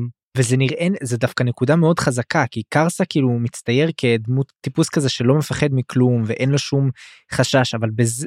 דווקא בנקודה הזאת פתאום ראיתי שהוא לרגע אפילו אומר וואלה יש סיכוי שאני אפסיד בלי בלי שהוא יגיד שיש סיכוי שהוא יפסיד. כן יכול להיות שהוא לא יוצא מזה והרוחות יודעות את זה. מה אתה אומר קרסה שורד או לא שורד? איי לדעתי לדעתי הוא שורד אבל אני לא יודע לא יודע אם הוא ינצח בדו-קרב אני לא חושב. האם זה המוות שיביא יביא לו נשגבות? זאת השאלה. טוב אנחנו נראה תשמע כמו שאומרים הם כל כך מכינים את ה... תשמע אתה כבר אומר וואלה אני עכשיו הולך לקרוא את כל הפרקים לא אכפת לי אבל אנחנו לא יכולים יש לנו לעשות את זה אז יש לנו עוד כמה דברים אז בוא נעבור לסירין אותו סירין לא סרן אלא סירין אותו אה, שומר בצבא שמקבל פקודות מטריבן גנול והוא מעביר את הטריבן גנול והוא הולך להעביר הודעות בעצם שתי הודעות נפרדות אחת לאדורים שבצבא ואחד ללת'רים שבעצם מגינים על העיר. ומה שהוא מסביר להם לפי מה שמובן אל תיתנו לאדורים לצאת בחיים מהמצב הזה למעשה מדובר בהפיכה של טריבן גנול טריבן גנול מתכוון שברגע שהמלזנים מגיעים לעיר להשתטח ארצה להגיד אני עשיתי את זה בשבילך תודה רבה שהצלת אותנו מהאדורים כי הוא מבין שהיא עושה את זה. או לחלופין או להרוג אותם את מהאדורים. האדורים ולהגיד לה תראי הרגנו את ה- דקרנו אותם בגב עכשיו תתחבר. כן בדיוק הרג- הרגנו את המגם אנחנו אבל בשבילכם כי אנחנו ידענו כמה את- שאת- המלחמה אנחנו על- איך זה תודה שעזרתם לנו את העול של הדורים ואנחנו איתכם. כן, זה מה שטריבן עושה, הוא קופץ ממיטה למיטה פוליטית, וזה מה שהוא מתכוון לעשות, והחיילים מבינים את זה, אז כמו שנראה, גם הקרב הולך להיות מעניין גם על אתרס. ויש שני דברים אחרונים על שתי דמויות, רולד וארנט, אז נתחיל עם הרולד. והוא בעצם מבין שהאימפריה שלו, בדיוק זה אחרי שהוא גומר את הקרב ה... שהוא הורג בקרב, אחרי מה שסמרדב מדברת, והוא מודע טוב מאוד מה קורה, מתברר שהוא מבין בדיוק כמו אומרים לו, והוא מבין כמו שאמרת לתרגם את זה, הוא ידע בדיוק מה קורה, אבל מה? הוא מבין שלמעשה הוא הושפע יותר מדי מהאימפריה הלת'רית ולמעשה זה לא מה שהוא התכוון לעשות הוא כן בא לעשות דברים טובים. הוא כן איך אומרים? הוא בא, הוא בא לשנות.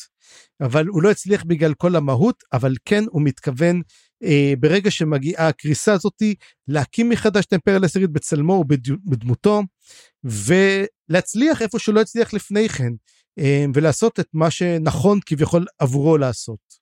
וכמו שהזכרנו מקודם את המהפכה הקומוניסטית והצרפתית אז האלמנט הזה של עולם ישן עד היסוד נחריבה שבעצם זה מהאינטרנציונל לא כן ש, שהכוונה זה okay. אוקיי. שאי אפשר להתחיל אי אפשר לעשות מהפכה אמיתית בלי להרוס את כל ה... יסודות הרקובים. מערכת כן. שלה שהייתה לפני זה וזה בדיוק מה שכאילו רולד אומר אני מבין בדיוק מה הולך לקרות וזאת ההזדמנות שלי בעצם זאת לא רק אה, בעיה זאת גם הזדמנות וזה מאוד מרתק אה, לראות רולד עד עכשיו נתפס כדי לא איתנו, לא יודע מה קורה, חסר ניסיון, האח הצעיר, פסיכופת אפילו, ודווקא לאט לאט זה נראה שרוכשים הרבה דברים מתחת לפני השטח אצלו, במיוחד כשהוא אומר אני יותר ויותר לומד לקרוא את, הקש... את השקרים האלה שמספרים לי.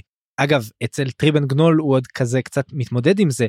אצל חנן מוסג הוא לגמרי כבר יודע בדיוק איפה הוא משקר לו וזה כאילו פתטי אפילו. אה, רק מראה כמה טריבן גנול הוא יותר ערמומי וחלקלק. אגב הוא בכוונה שם את טריבן גנול כמפקד הצבא בשביל להרגיז את חנן מוסאג בשביל לגרום להם לריב.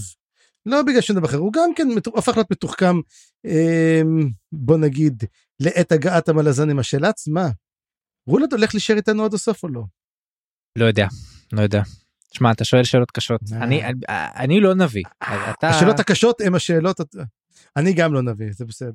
אבל אני אגיד לך מה לגבי הזה שהוא הופך להיות יותר חכם אולי פה יש פה דווקא כן עניין של מה שלא הורג מחשל.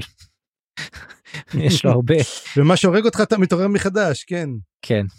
ובעצם אנחנו מסיימים עם הארנט ועם מכשפת נוצה שהוא מדבר איתה והיא כזה עושה דברים מאוד מוזרים מדברת על אמרה שייקית כלשהי נכון היא מדברת על זה וארנט ואומרת אומר לה לא הצלחת להביא אותו אומרת לו אל תדאג זה בסדר היא עושה את זה היא כבר מנווטת אותו מה שצריך והוא אומר אוי ואבוי לאיזו צרה נכנסתי פה עכשיו. כן אני, אני חייב לומר שהקטע הזה היה כל כך מוזר ולא ברור אני רק אגיד דבר אחד שכמו שאריקסון משאיר אותנו קצת בערפל כלפי ההמשך אז גם לי קרה משהו מצחיק שפשוט האזנתי לזה והקריין המשיך לתוך הפרק הבא ואני הספקתי לשמוע את ההתחלה של האפיגרף ואני חייב לומר. גם אני גם אני זה אותו דבר זה חוזר זה אמרה שייקית. זה בדיוק מה שהיא אומרת זה בדיוק מה שהיא אומרת האמרה השייקית אז כן אגב זה גם לי זה ככה אומר צ'פטר 21 ואז אומרת אותו דבר רגע, רגע אבל שמעתי את זה בדיוק לפני רגע אז עצרתי את זה זאת כן. אומרת כן. זה בסדר אבל הנה אז אנחנו נותנים טעימה כבר מהפרק הבא אז האפיגרף אז אתה יודע משהו נראה לי שבאמת אני אקרא קצת עוד פעם את הסוף של הפרק אה, 21 לפני שאני של 20 לפני שאני אמשיך הלאה. אה, וזהו זה בעצם. אז זהו צפריר. פרק עם מלא נקודות מבט מאוד מאוד מפוצץ כזה כמו השלמת אה, אה, איפה אנחנו עומדים עם כל הדברים שלא נגענו בהם בפרקים הקודמים בסוף החלק השלישי ואני רוצה לומר שאני נורא מתרגש לראות מה יקרה בהמשך. אה, ו... תשמע זה מאוד מעניין זה מאוד כיפי ואתה יודע מה אמרתי לך אני עם הלשון בחוץ. אני אומר היית צריך לגמור את הספר ולפני 500 עמודים אבל וואלה הוא הניח את זה יפה הוא עושה את זה יפה. אני אני מה זה מחכה אז חבר'ה שני פרקים לסיום העונה תחזיקו אצבעות אפשר לעשות את זה. אז נחזיק אצבעות נצלול קדימה ונאמר זהו עתה. בפעם הבאה נקרא את הפרקים 21 ו-22 ונמשיך את סופת הקוצר החלק הרביעי בספר סופת הקוצר הספר השביעי בסדרה. אני חיים גורוב גלברט. אני צפיר גרוסמן. בואו לערוץ הדיסקורד שלנו, נחמד שם, ונשמח אם תדרגו אותנו באפליקציית הפודקאסטים שבה האזנתם לנו. ואם בא לכם לתמוך במה שאנחנו עושים, אפשר לעשות זאת דרך פטריון, יש מלא דרגות תמיכה ותשורות מגניבות, פרטים בתיאור הפרק, ופתחנו עכשיו דף פייסבוק חדש להיזיון, אז מוזמנים לעקוב ולעשות לייק גם לדף הזה. עריכה וסאונד חיים גורוב גלברט.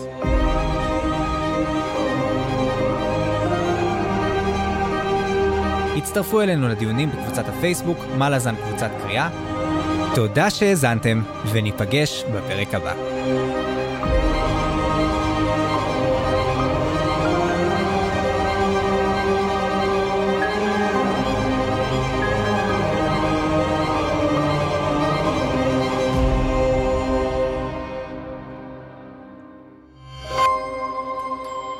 היזיון, הסכתים פנטסטיים.